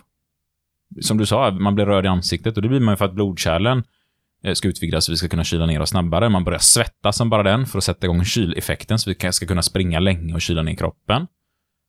Vad händer mer? Jo, vi får adrenalinpåslag, vilket gör att vi kan börja skaka lite granna. Musklerna ska ju vara i spänn med för att vi ska kunna bli explosiva och snabbt sätta igång och börja springa. Vi blir kissenödiga. Eller kanske till och med kissa ner oss själva i ett sånt läge för att kroppen vill tömma sig. Dels så blir det lättare. Sen har jag hört en gång i tiden så här också, jag vet inte om det stämmer, men att man ska tömma både tarmar och eh, systemet ifall man blir skadad. Så det inte ska vara onödiga med bakterier i kroppen och sådär. Men det, jag vet inte, det känns som en sån här Det kan vara så. är det så smart inte. kroppen? Det, det återlämnar vi också till lite mer Ja, det är för nog, forskat ja, precis. Det känns lämpligt faktiskt. Eh, Men, men det är ju faktiskt så att man kan både tömma sig på alla sätt och vis för att man ska bli i alla fall lättare kunna springa därifrån. Så det händer ju en hel del grejer med oss. Och det här är ju jätte, jättebra överlevnadsinstinkt. Inte lika bra när vi är stressade för att vi ska hinna till bussen liksom. Hur många har inte varit med om det liksom? Bussen shit, springer, att man kan hinna in på bussen, sätta sig och plötsligt pulsen har gått upp, allt det här, man rör i ansiktet. Sitter så här andas och så liksom, fan kissnödig nu också. det är jobbigt när Det är det sämsta när man är stressad. bussen. Liksom.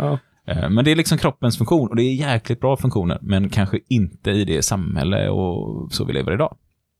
Men de här signalerna är ju jättetydliga, de kan vi verkligen läsa varandra. Och vi människor vill ju gärna veta vad vår omgivning tycker och tänker, hur mår vår omgivning. Så pass empatiska menar jag på att vi är i alla fall, att vi vill gärna veta detta, vi tycker det är intressant. Och när jag samtalar med någon för att få liksom en bild av vad tycker personen om mig, så vill jag liksom kunna läsa av andra människor. Då letar jag ju hela tiden signaler hos dem jag pratar till. Och här kan det ju krocka så otroligt mycket, för ofta utgår vi från vårt egna beteende när vi läser av andra människor.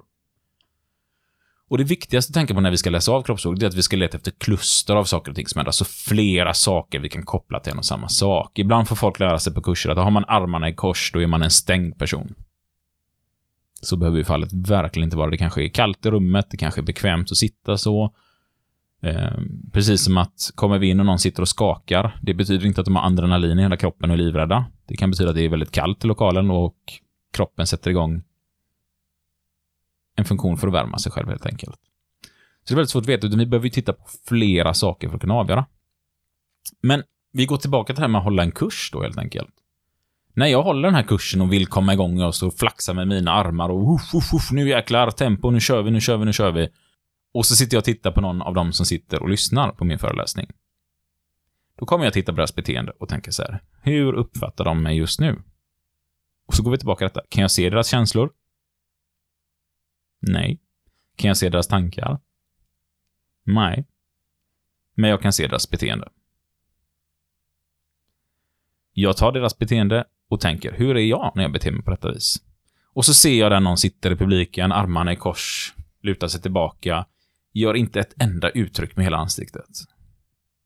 Och då är det lätt för mig att tänka så här, hur är jag när jag sitter så? Nu när jag har armarna i kors, inte gör några uttryck med mitt ansikte och bara tittar rätt fram, då är jag fruktansvärt oengagerad, eh, undvikande, ointresserad, jag liksom bryr mig och känner sig, jag vill inte vara här. Och så sitter jag där och tänker, ah, nej, där sitter en sån person som är helt oengagerad och inte vill vara här överhuvudtaget. Och så tar jag för givet att det är så personen känner. Och då går jag ju en väldigt stor fälla, för då har jag bara utgått ifrån mig själv. Och personen kanske har en helt annan personlighetstyp, kanske är en sån analyserande person. Som sitter och känner så här, nu har jag satt mig bekvämt, äntligen kan jag sitta tyst, lyssna, ta in allting personen säger, köra det genom hjärnan ett par gånger, analysera det och tänka, kan det här stämma med vad jag har lärt mig tidigare under livet? Ja, kan implementera detta på det? Ja, men det kan jag det här. Skulle kunna hugga? Ja, men det kan ligga en sanning i det han säger. Men gör inga direkta uttryck, för jag vill tänka igenom allting. Så jag har ju ingen aning vad personen känner. Så att den här mallen, den här kunskapen om kroppsspråk, hjälper ju inte mig att veta vad personen känner. Men den kan hjälpa mig att förstå att jag vet inte hela sanningen om den här personens uttryck. Bredvid den här personen så sitter en person som är som mig. Som eh, jätte, jättemycket vill uttrycka med hela kroppen att ja, men jag hänger med, jag lyssnar. Nu ser inte ni mig här, men jag sitter och skakar ja med huvudet här. Ja, visst, absolut. Nickar Berätta gärna mer. kraftigt. Jag visar liksom med handen så här att jag nästan vill dra in informationen. Säg ännu mer saker så jag kan lyssna på dig. Sitter jag och vevar med min arm så här som att jag ska veva in informationen. Och de individerna känner jag ju alltid, herregud, här sitter någon som lyssnar och tar in allting och visar det och ger mig gensvar här med sitt ansiktsuttryck och allting. Och tycker de där är ju fantastiska människor. Men det kan ju lika gärna vara en analyserande person. Som sitter där och är jättestressad och känner så här, men säg det du har att säga nu för jag måste någon annanstans. Jag hinner inte, kom igen, kom igen, kom igen. Så jag vet ju inte, utan jag utgår från mig själv. För när jag sitter och lyssnar på någon och är engagerad, då sitter jag så. Jag visar den som pratar hela tiden att jag lyssnar och hänger med, tror jag. Och här kan vi krocka jättemycket. Så det här är ju mer en mall för att man ska få förståelse, för att jag vet inte hela sanningen när jag läser av folks kroppsspråk. Jag vet inte hela sanningen med vad andra uttrycker. Och vi beter oss inte på samma sätt utifrån våra känslor. Så det kan vara lärorikt. Jag har ju gått på jättemycket nita med min fru. För vi är ju såna här raka motpoler till varandra. Jag kommer hem, hon står där. Det här tror jag vi till och med drog i något avsnitt. Vi kan dra det. Vi kan dra det igen.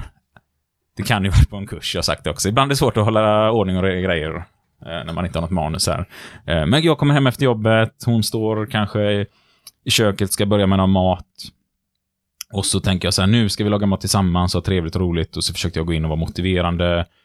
Och hon är sådär lugn, uttrycker ingenting, bara tyst. Jag sätter på lite musik och så här, typ, kom igen nu kör vi.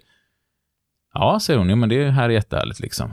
Så, så här, men jag vill ju se att hon flaxar med armarna, som jag gör när jag är igång. Och för att få igång henne så börjar jag liksom kittlas och sådär, vrider upp musiken ännu mer och ännu mer. Kom igen, kom igen, kom igen, kom igen, kom igen, och bara tjötar ännu mer. Och till slut så ser jag hon äntligen börjar flaxa med sina armar. Hon börjar äntligen höja sin röst. Hon börjar bli lite mer så i kroppsspråket och så bara plötsligt så får man nästan en örfil eller så här. Det, ja, det får jag inte, men... men plötsligt så märker jag så här att hon bara ryter ifrån. Nu får du ge dig. Nu orkar jag inte. Dra ner lite på tempot liksom. Och då blir jag så här, va? Precis när jag började få igång dig. Var kom det här ifrån? Jag förstår ingenting. Likadant kan det se ut när Linnea kommer och jag sitter i soffan och sådär tyst och jag bara känner att nu är jag så trött. Och så kommer hon och så tänker hon så här. Äntligen sitter han där lugn, saklig, analyserar. Och så kommer hon kanske säga då, men titta här, jag funderar på övervåningen här när vi ska renovera, tänk på de här färgerna och de här möblerna, vad tror du om det? Och jag tänker så här, nu ska jag visa henne hur oengagerad jag är.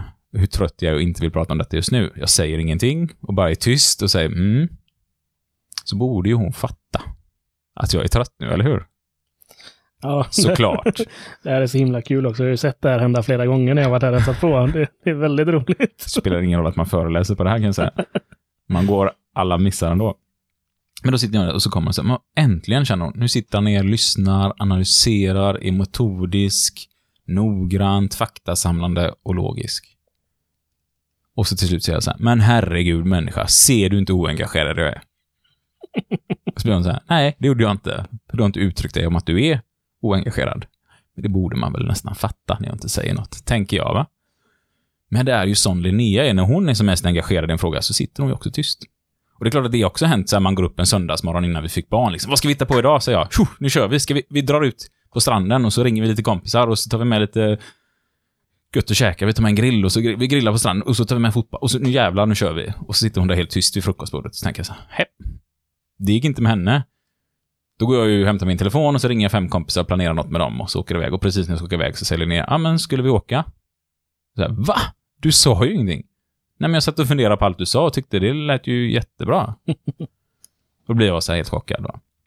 Så vi krockar ju här hela tiden och likadant kommer det vara för den här beslutsamma, dominanta personen som liksom är drivande, ambitiös och viljestark i sitt kroppsspråk. Liksom att nu kör vi, nu sätter vi igång, vi bygger klart. Och det kan andra uppfatta som att oj, de är diktatorer och känslokalla och det är så viktigt att slutföra uppgiften. Liksom de... Precis som Jim här, den stödjande individen, uppfattas som den som bara vill sitta och fika och kramas och mysa och ha det gemytligt hela tiden liksom. För vi missuppfattar varandras kroppsspråk, vi varandra, missuppfattar varandra- varandras sätt att egentligen prata på, uttrycka sig på. Och så tror vi att alla fungerar likadant. Så dagens egentligen, eh, vad tar vi med oss ifrån det här? Alltså vi, vi känner ju andra som vi känner oss själva. Lite så va? Det är en Definitivt. klyscha där, men... det är eh, definitivt en klyscha, Ja, men det, det kanske är en det är ganska det vi säger klyscha. här i många fall också. Jag tycker det är jättebra att man försöker lära sig så mycket om andra personligt och liksom enda sättet är egentligen att ta reda på vad andra människor tycker och tänker. När man håller en utbildning exempelvis och någon sitter sådär med korsdrag arm, att man faktiskt ställer frågan. Vad tycker du om utbildningen just nu? Ja. Då får man ett ärligt svar. Och jag har ju gått på sådana här riktiga... En gång kände jag mig riktigt dum. Jag hade en kille på en kurs som satt och han sov, bokstavligt talat nästan, somna. Flera gånger. Och jag blev så här liksom, jag bara kände, herregud, nu får du liksom, jag får så här, hela tiden så här, kom igen nu. Ja, ja, ja, ja. Jättetrevligt liksom, men ska jag behöva gå liksom säga till dig och hålla dig vaken? Det känns inte okej liksom. Så jag tänkte, vad oengagerad den här människan är. Och så kom jag på mig själv, Isak, nu utgår du ifrån dig själv här. Det kan ju finnas tusen anledningar till att personen har svårt att sitta still, kanske är van att jobba och andra till slut ställer frågan liksom, hur är det? Ja, men jag har svårt liksom, jag jobbar vanligtvis natt, eller jag jobbar nattskift, säger han så här. Tänker så här, men herregud, vi har kört den här kursen i veckan och jag förstår att du var trött i måndags, tisdags, men nu är det liksom fredag och du håller fortfarande på att somna liksom. Och jag tänker så här, okej, okej, jag tänker jag ska fortsätta ställa frågor i alla fall, jag ska inte dra egna slutsatser. Och då säger jag till personen så här, okej, är det svårt att vända på dygnet? Ja, men det går ju liksom inte för jag jobbar ju nattskift. Jag vill säga, jo, jo, men du får väl liksom försöka vända på dygnet då och lägga dig eller hitta på någonting, för det funkar inte. Vi ska ha kurs nu i tre veckor. Du kan inte sitta halvsova så här. Nej, nej, men jag jobbar ju fram eh, till sex på morgonen liksom, så hinner jag bara hem i en timme nu och så byter jag om och sen åker jag hit. Och du säger, men vad sa du nu? Du har väl tagit ledigt från jobbet? Nej, vi hade så många sjuka, så jag är inne och jobbar nattskift nu medan jag går utbildningen. För jag vill inte skjuta upp utbildningen. Vad dum jag kände mig då, va? När jag hade stått Ja, där. Din oengagerade, sådär stod jag liksom och Han har tänkte. jobbat dubbelt. Ja, och sen kommer det fram så här. Dessutom så i min farsas restaurang så är det väldigt många sjuka. Så efter jag varit här på kursen så åker jag dit och hjälper till med disken. Ja, det är inte många timmar han hade Han sova. sov tre timmar under den veckan per dag liksom. Han gick ju från att vara bäst på hela utbildningen tyckte jag. Eller rätt sagt, jag tyckte ju att han var sämst på utbildningen till att han tyckte att han var absolut bäst på hela utbildningen. Jag kände så här, ni andra borde vara som honom. och då satt väl de och tänkte, vadå, ska vi sitta och sova på lektionen liksom? Nej, mer engagerade liksom. Eh, Men det är så himla lätt att vi drar slutsatser och vi, vi läser böcker och vi läser information om hur ledare ska vara, hur personer ska uttrycka sig. Och så tror vi att det är hela sanningen. Jag tycker att om man tar mycket av de här sakerna på rätt sätt så kan vi lära oss extremt mycket om varandras beteende. Och idag har vi liksom drivit lite om de här eh, stödjande personerna som bara sitter och fikar bort hela dagarna och igångsättande personer som bara står och flaxar med armarna och tränar på att flyga och de beslutsamma som bara kör över varandra och de analyserande som bara sitter och tänker hela tiden. Det blir väldigt stereotypt sådär, men det är ju lite för att få med ett sätt att tänka på ja, vilka olika, olika personer kan jag stöta på och när har vi våra styrkor. Och framförallt styrkan är att vi behöver verkligen alla typer av ledarskapsstilar och personlighetsdrag för att lyckas med en bra organisation. Och där tror jag många företag jobbar lite fel med det här när de ja, rekryterar personal. Och man tror att en sån här person är det bästa för verksamheten. För det är väldigt svårt att mäta flexibiliteten. Du sitter Jim på så här, det ordet ska du inte använda flexibilitet. eller vad menar du? ja, precis. Vad betyder det här? Nu menar jag flexibiliteten i sitt ledarskapsstil. Det är svårt att mäta. Ja, okej, ja, men du är väldigt igångsättande, men klarar du av att vara analyserande? Det är svårt att mäta. Klarar du av att vara stödjande? Klarar du av att vara beslutsam? Ja, men det kanske du gör. Men klarar du av att läsa av när gruppen behöver det? Klarar du av i en stressad situation och besluta dig för att nu behöver jag ändra inriktning på mitt ledarskap? Det är de där grejerna jag tror att vi behöver påminna oss själva om och träna på. Och framför allt om man sitter i en facklig styrelse. Vad har vi för individer i vår styrelse? Där brukar jag skicka med som en läxa när vi kör de här ledarskapsutbildningarna. Att man lite försöker tänka, vilka av de här individerna har vi i vår styrelse? Och vad är våra brister? Våran brist i vår styrelse, det var att vi har väldigt många projekt igång, men inte så många som slutförs.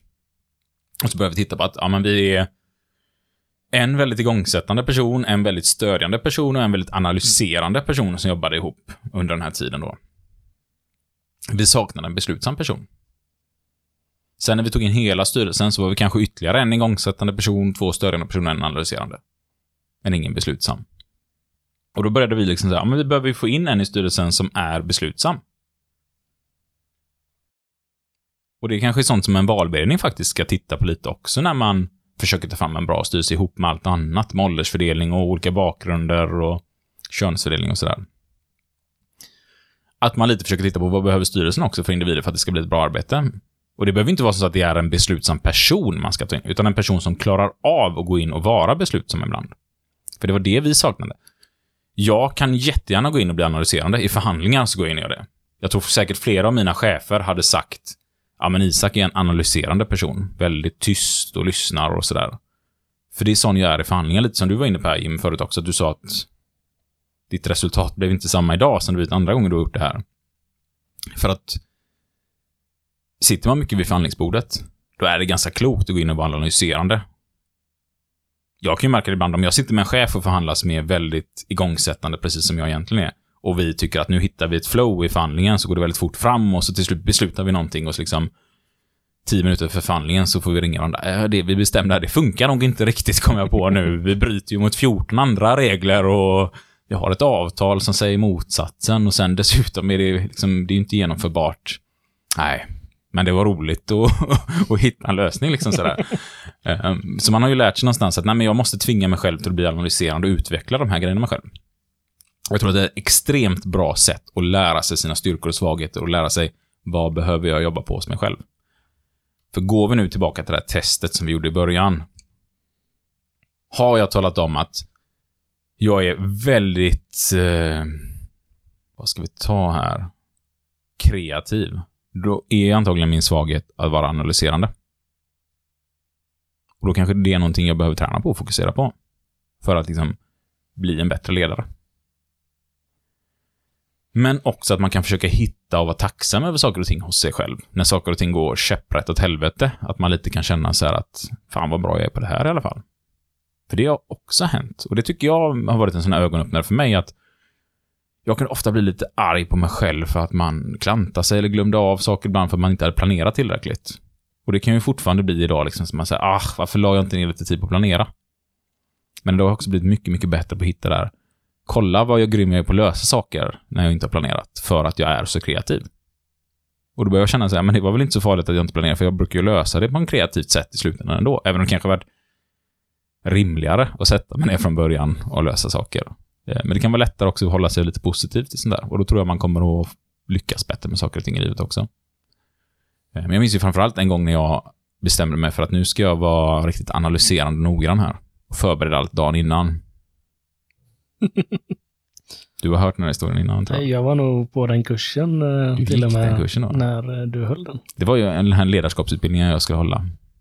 Eh, Men ganska mycket material krävs till den utbildningen. Och så kände jag så här att eh, jag förberedde allt kvällen innan. Jag tog fram kläderna för morgondagen. Det gör jag aldrig vanligtvis liksom. Lägger liksom väskan i bilen. Jag till och med la in en ljudbok i bilstereon så att det skulle säga, nu kan jag sitta lugn och ro på morgonen och lyssna på ljudbok sådär. Jag förberedde mer än vad jag någonsin har gjort i hela mitt liv. Liksom, såhär. Jag tänkte, gud vad bra. Det kändes så bra att jag ska hålla den här kursen och allting sådär. Går och lägger mig.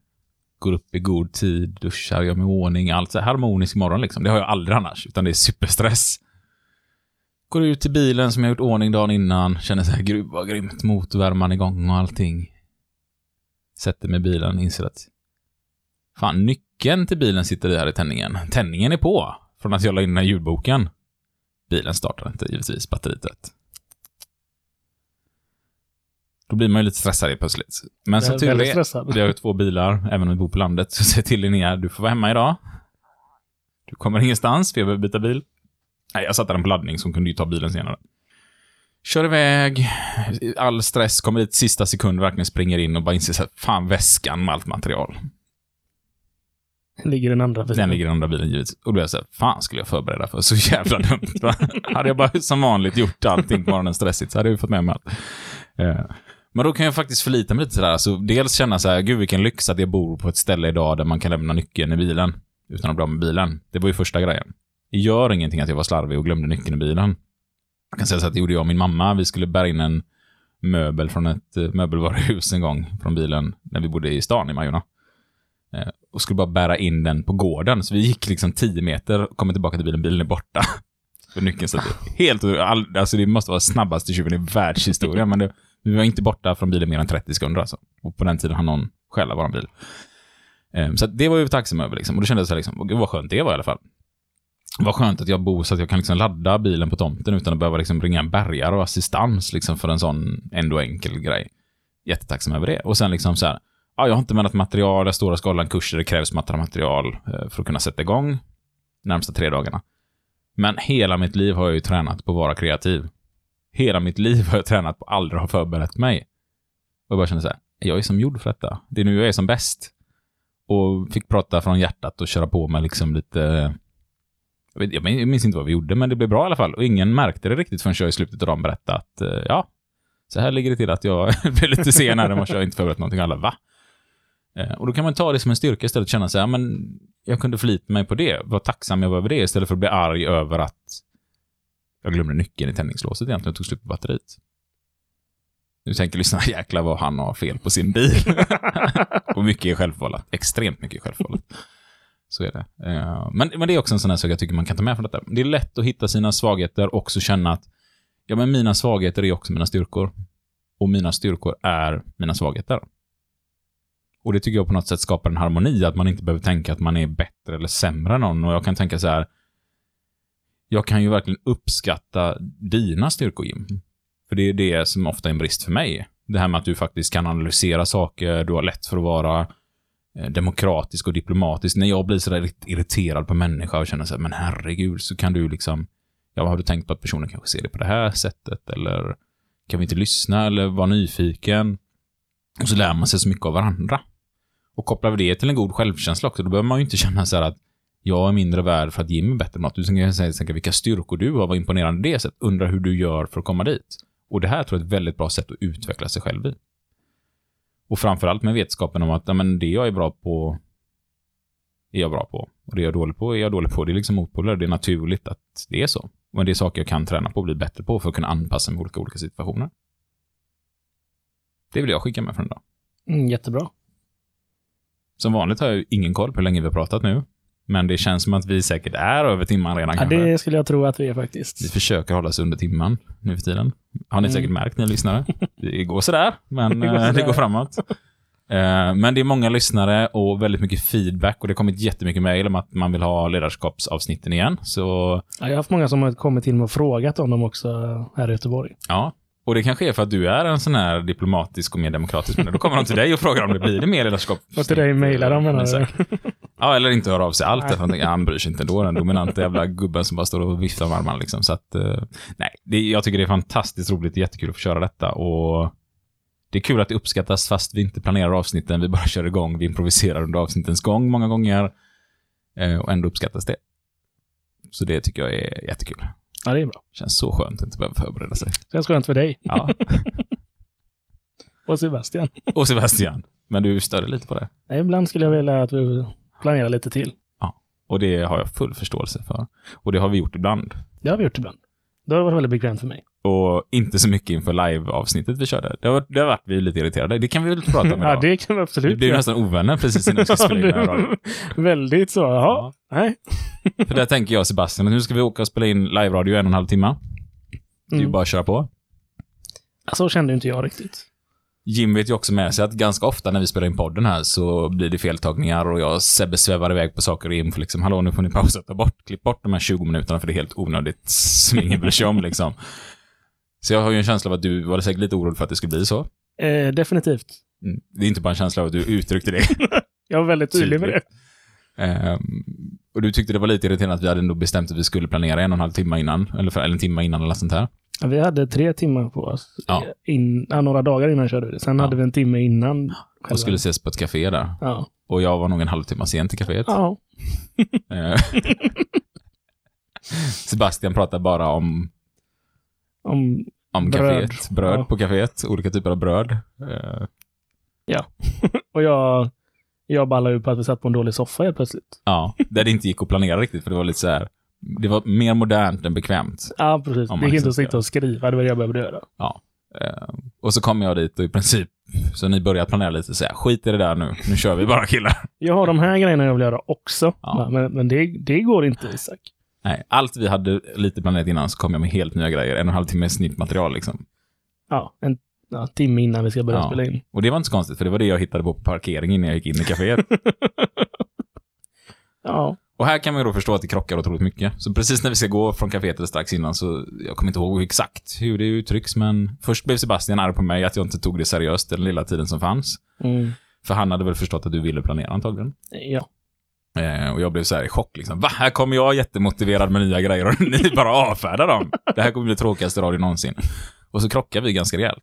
ja. Eh, och blev lite småirriterande. Och då kände jag så här, skit i det då. Skit i det. Spela in själva kände Jag, jag. liksom. Sebbe ställde nog frågan någonstans. Eh, vad behöver du in för att du ska känna dig bekväm? Ja. Och jag säger att, att Isak inte är med. Ja, precis. Exakt så sa du. Nu behövde inte jag säga hur du sa det, utan... eh, Så, så jag var ju väldigt, väldigt irriterad precis när vi lämnade kaféet. ja. Eh, men så ringde vi upp på vägen bort. Vi Ja. åkte i olika bilar. Eh, och det kändes ganska lugnt efteråt. Ja. Vi fick pratat ut. Men någonstans också så satt jag mig i bilen och förstod så här, ja, Isak, det är ju inte helt orimligt av Jim här att han blir irriterad på dig nu. När du kommer in här med en helt ny plan på saker som de inte har förberett sig på. Som ni inte heller hade haft en aning om vad jag skulle säga. Eh, Nej. Och det rörde sig om ny statistik dessutom. Det är väldigt tråkigt att sitta och prata statistik på känsla. Det går ju inte riktigt Det är heller. väldigt svårt. Och jag hade ju inte förberett mig på statistiken, så det hade ju inte blivit bra om jag hade babblat det heller i live-radio. Så det, Ehm, Så att det var ju fullt förståeligt. Och jag tror att det är sånt här man lär sig och liksom får lära sig att ja, men här var det mina brister och förhoppningsvis kände även du att jag ska lita lite på de här killarna, att deras kreativitet löser sig. Absolut. Det gör det. Alltid. Nej, långt ifrån alltid. Ibland gör det. Ja, Ofta gör det, kan man Ja. säga. inte när jag ska laga mina bilar. Nej, det finns inte en kreativitet i det- världen som löser sig, utan eh, duktiga bilmekaniker som är bra vänner till Det- en, de löser det, det problem. behövs. Ehm, ja. Ja. Ska, vi, ska vi nöja oss här för Jag tror vi får göra Nu det. fick ni lite riktigt behind the scenes från våra... Ja, det var väldigt behind the scenes. Ja. nu. Var det nära att eh, podden bröts där? Att det aldrig mer skulle bli... Nej, jag kände att jag åker hem nu och så gör vi aldrig det här igen. Ja. Hade du inte ringt på vägen så hade jag nog eh, släppt av Sebbe sen fått åka dit med dig själv. Ja. det, det tror jag. ja. Det var inte långt borta. Det var ju tur att känslan då fanns för att hålla ihop det där. För det, Ja. det blev bra till slut. Vi Det blev jättebra. trivdes. Eh, så kan vi bjuda på det. Vad är det Sebastian alltid brukar säga i slutet av avsnittet? Han brukar säga följ oss på... På Instagram och Facebook och där heter vi Fuck You Podcast. Och så kan man mejla på fuckyoupodcast.gmail.com. Eller snabelaggmail.com då. För Ja, du vill inte jobba med att. Ja, det, det är lite för coolt för mig att säga så tror jag. Jag, vet jag, jag känner mig sådär, inte som att jag har snabba glasögon och... Ja, Ja, jag får ta med mina snabba glasögon och säga att. Jag ber om ursäkt för detta. det är lite för 2020 för mig. Mm, ja, jag vet inte om det är 2020, alltså. det är nog 2000. Är det så? Jag tror Ja. det. Jag vet inte. Lite för mycket 2000-tal för mig. Ja, det kanske det är. Nej, men vi säger hej då. Ja, Och tackar så mycket för idag. fortsätt gärna sprid podden som ni gör. Det är fantastiskt kul att det växer och sprider sig runt omkring i landet. Ja, det är jätteroligt. En rolig nyhet också förresten som vi inte har tagit upp, det är att eh, ABF och LO hörde av sig till oss i ABF i Västerbotten och har bett oss göra ett specialavsnitt till deras online-fackliga utbildningar. Så vi kommer vara en del av dem. Och om jag förstår det rätt så kanske det blir en hel sån här LO i deras utbildningspaket. Det tycker jag är fantastiskt kul att det sprider sig så pass. Det är Vi ska inte jätteroligt. gå alla händelser i förväg. här. Nej, det tycker jag absolut inte vi ska göra. förmycket. Och då kan det hända att man går en facklig utbildning online och hör oss där. Varsågoda. Varsågoda.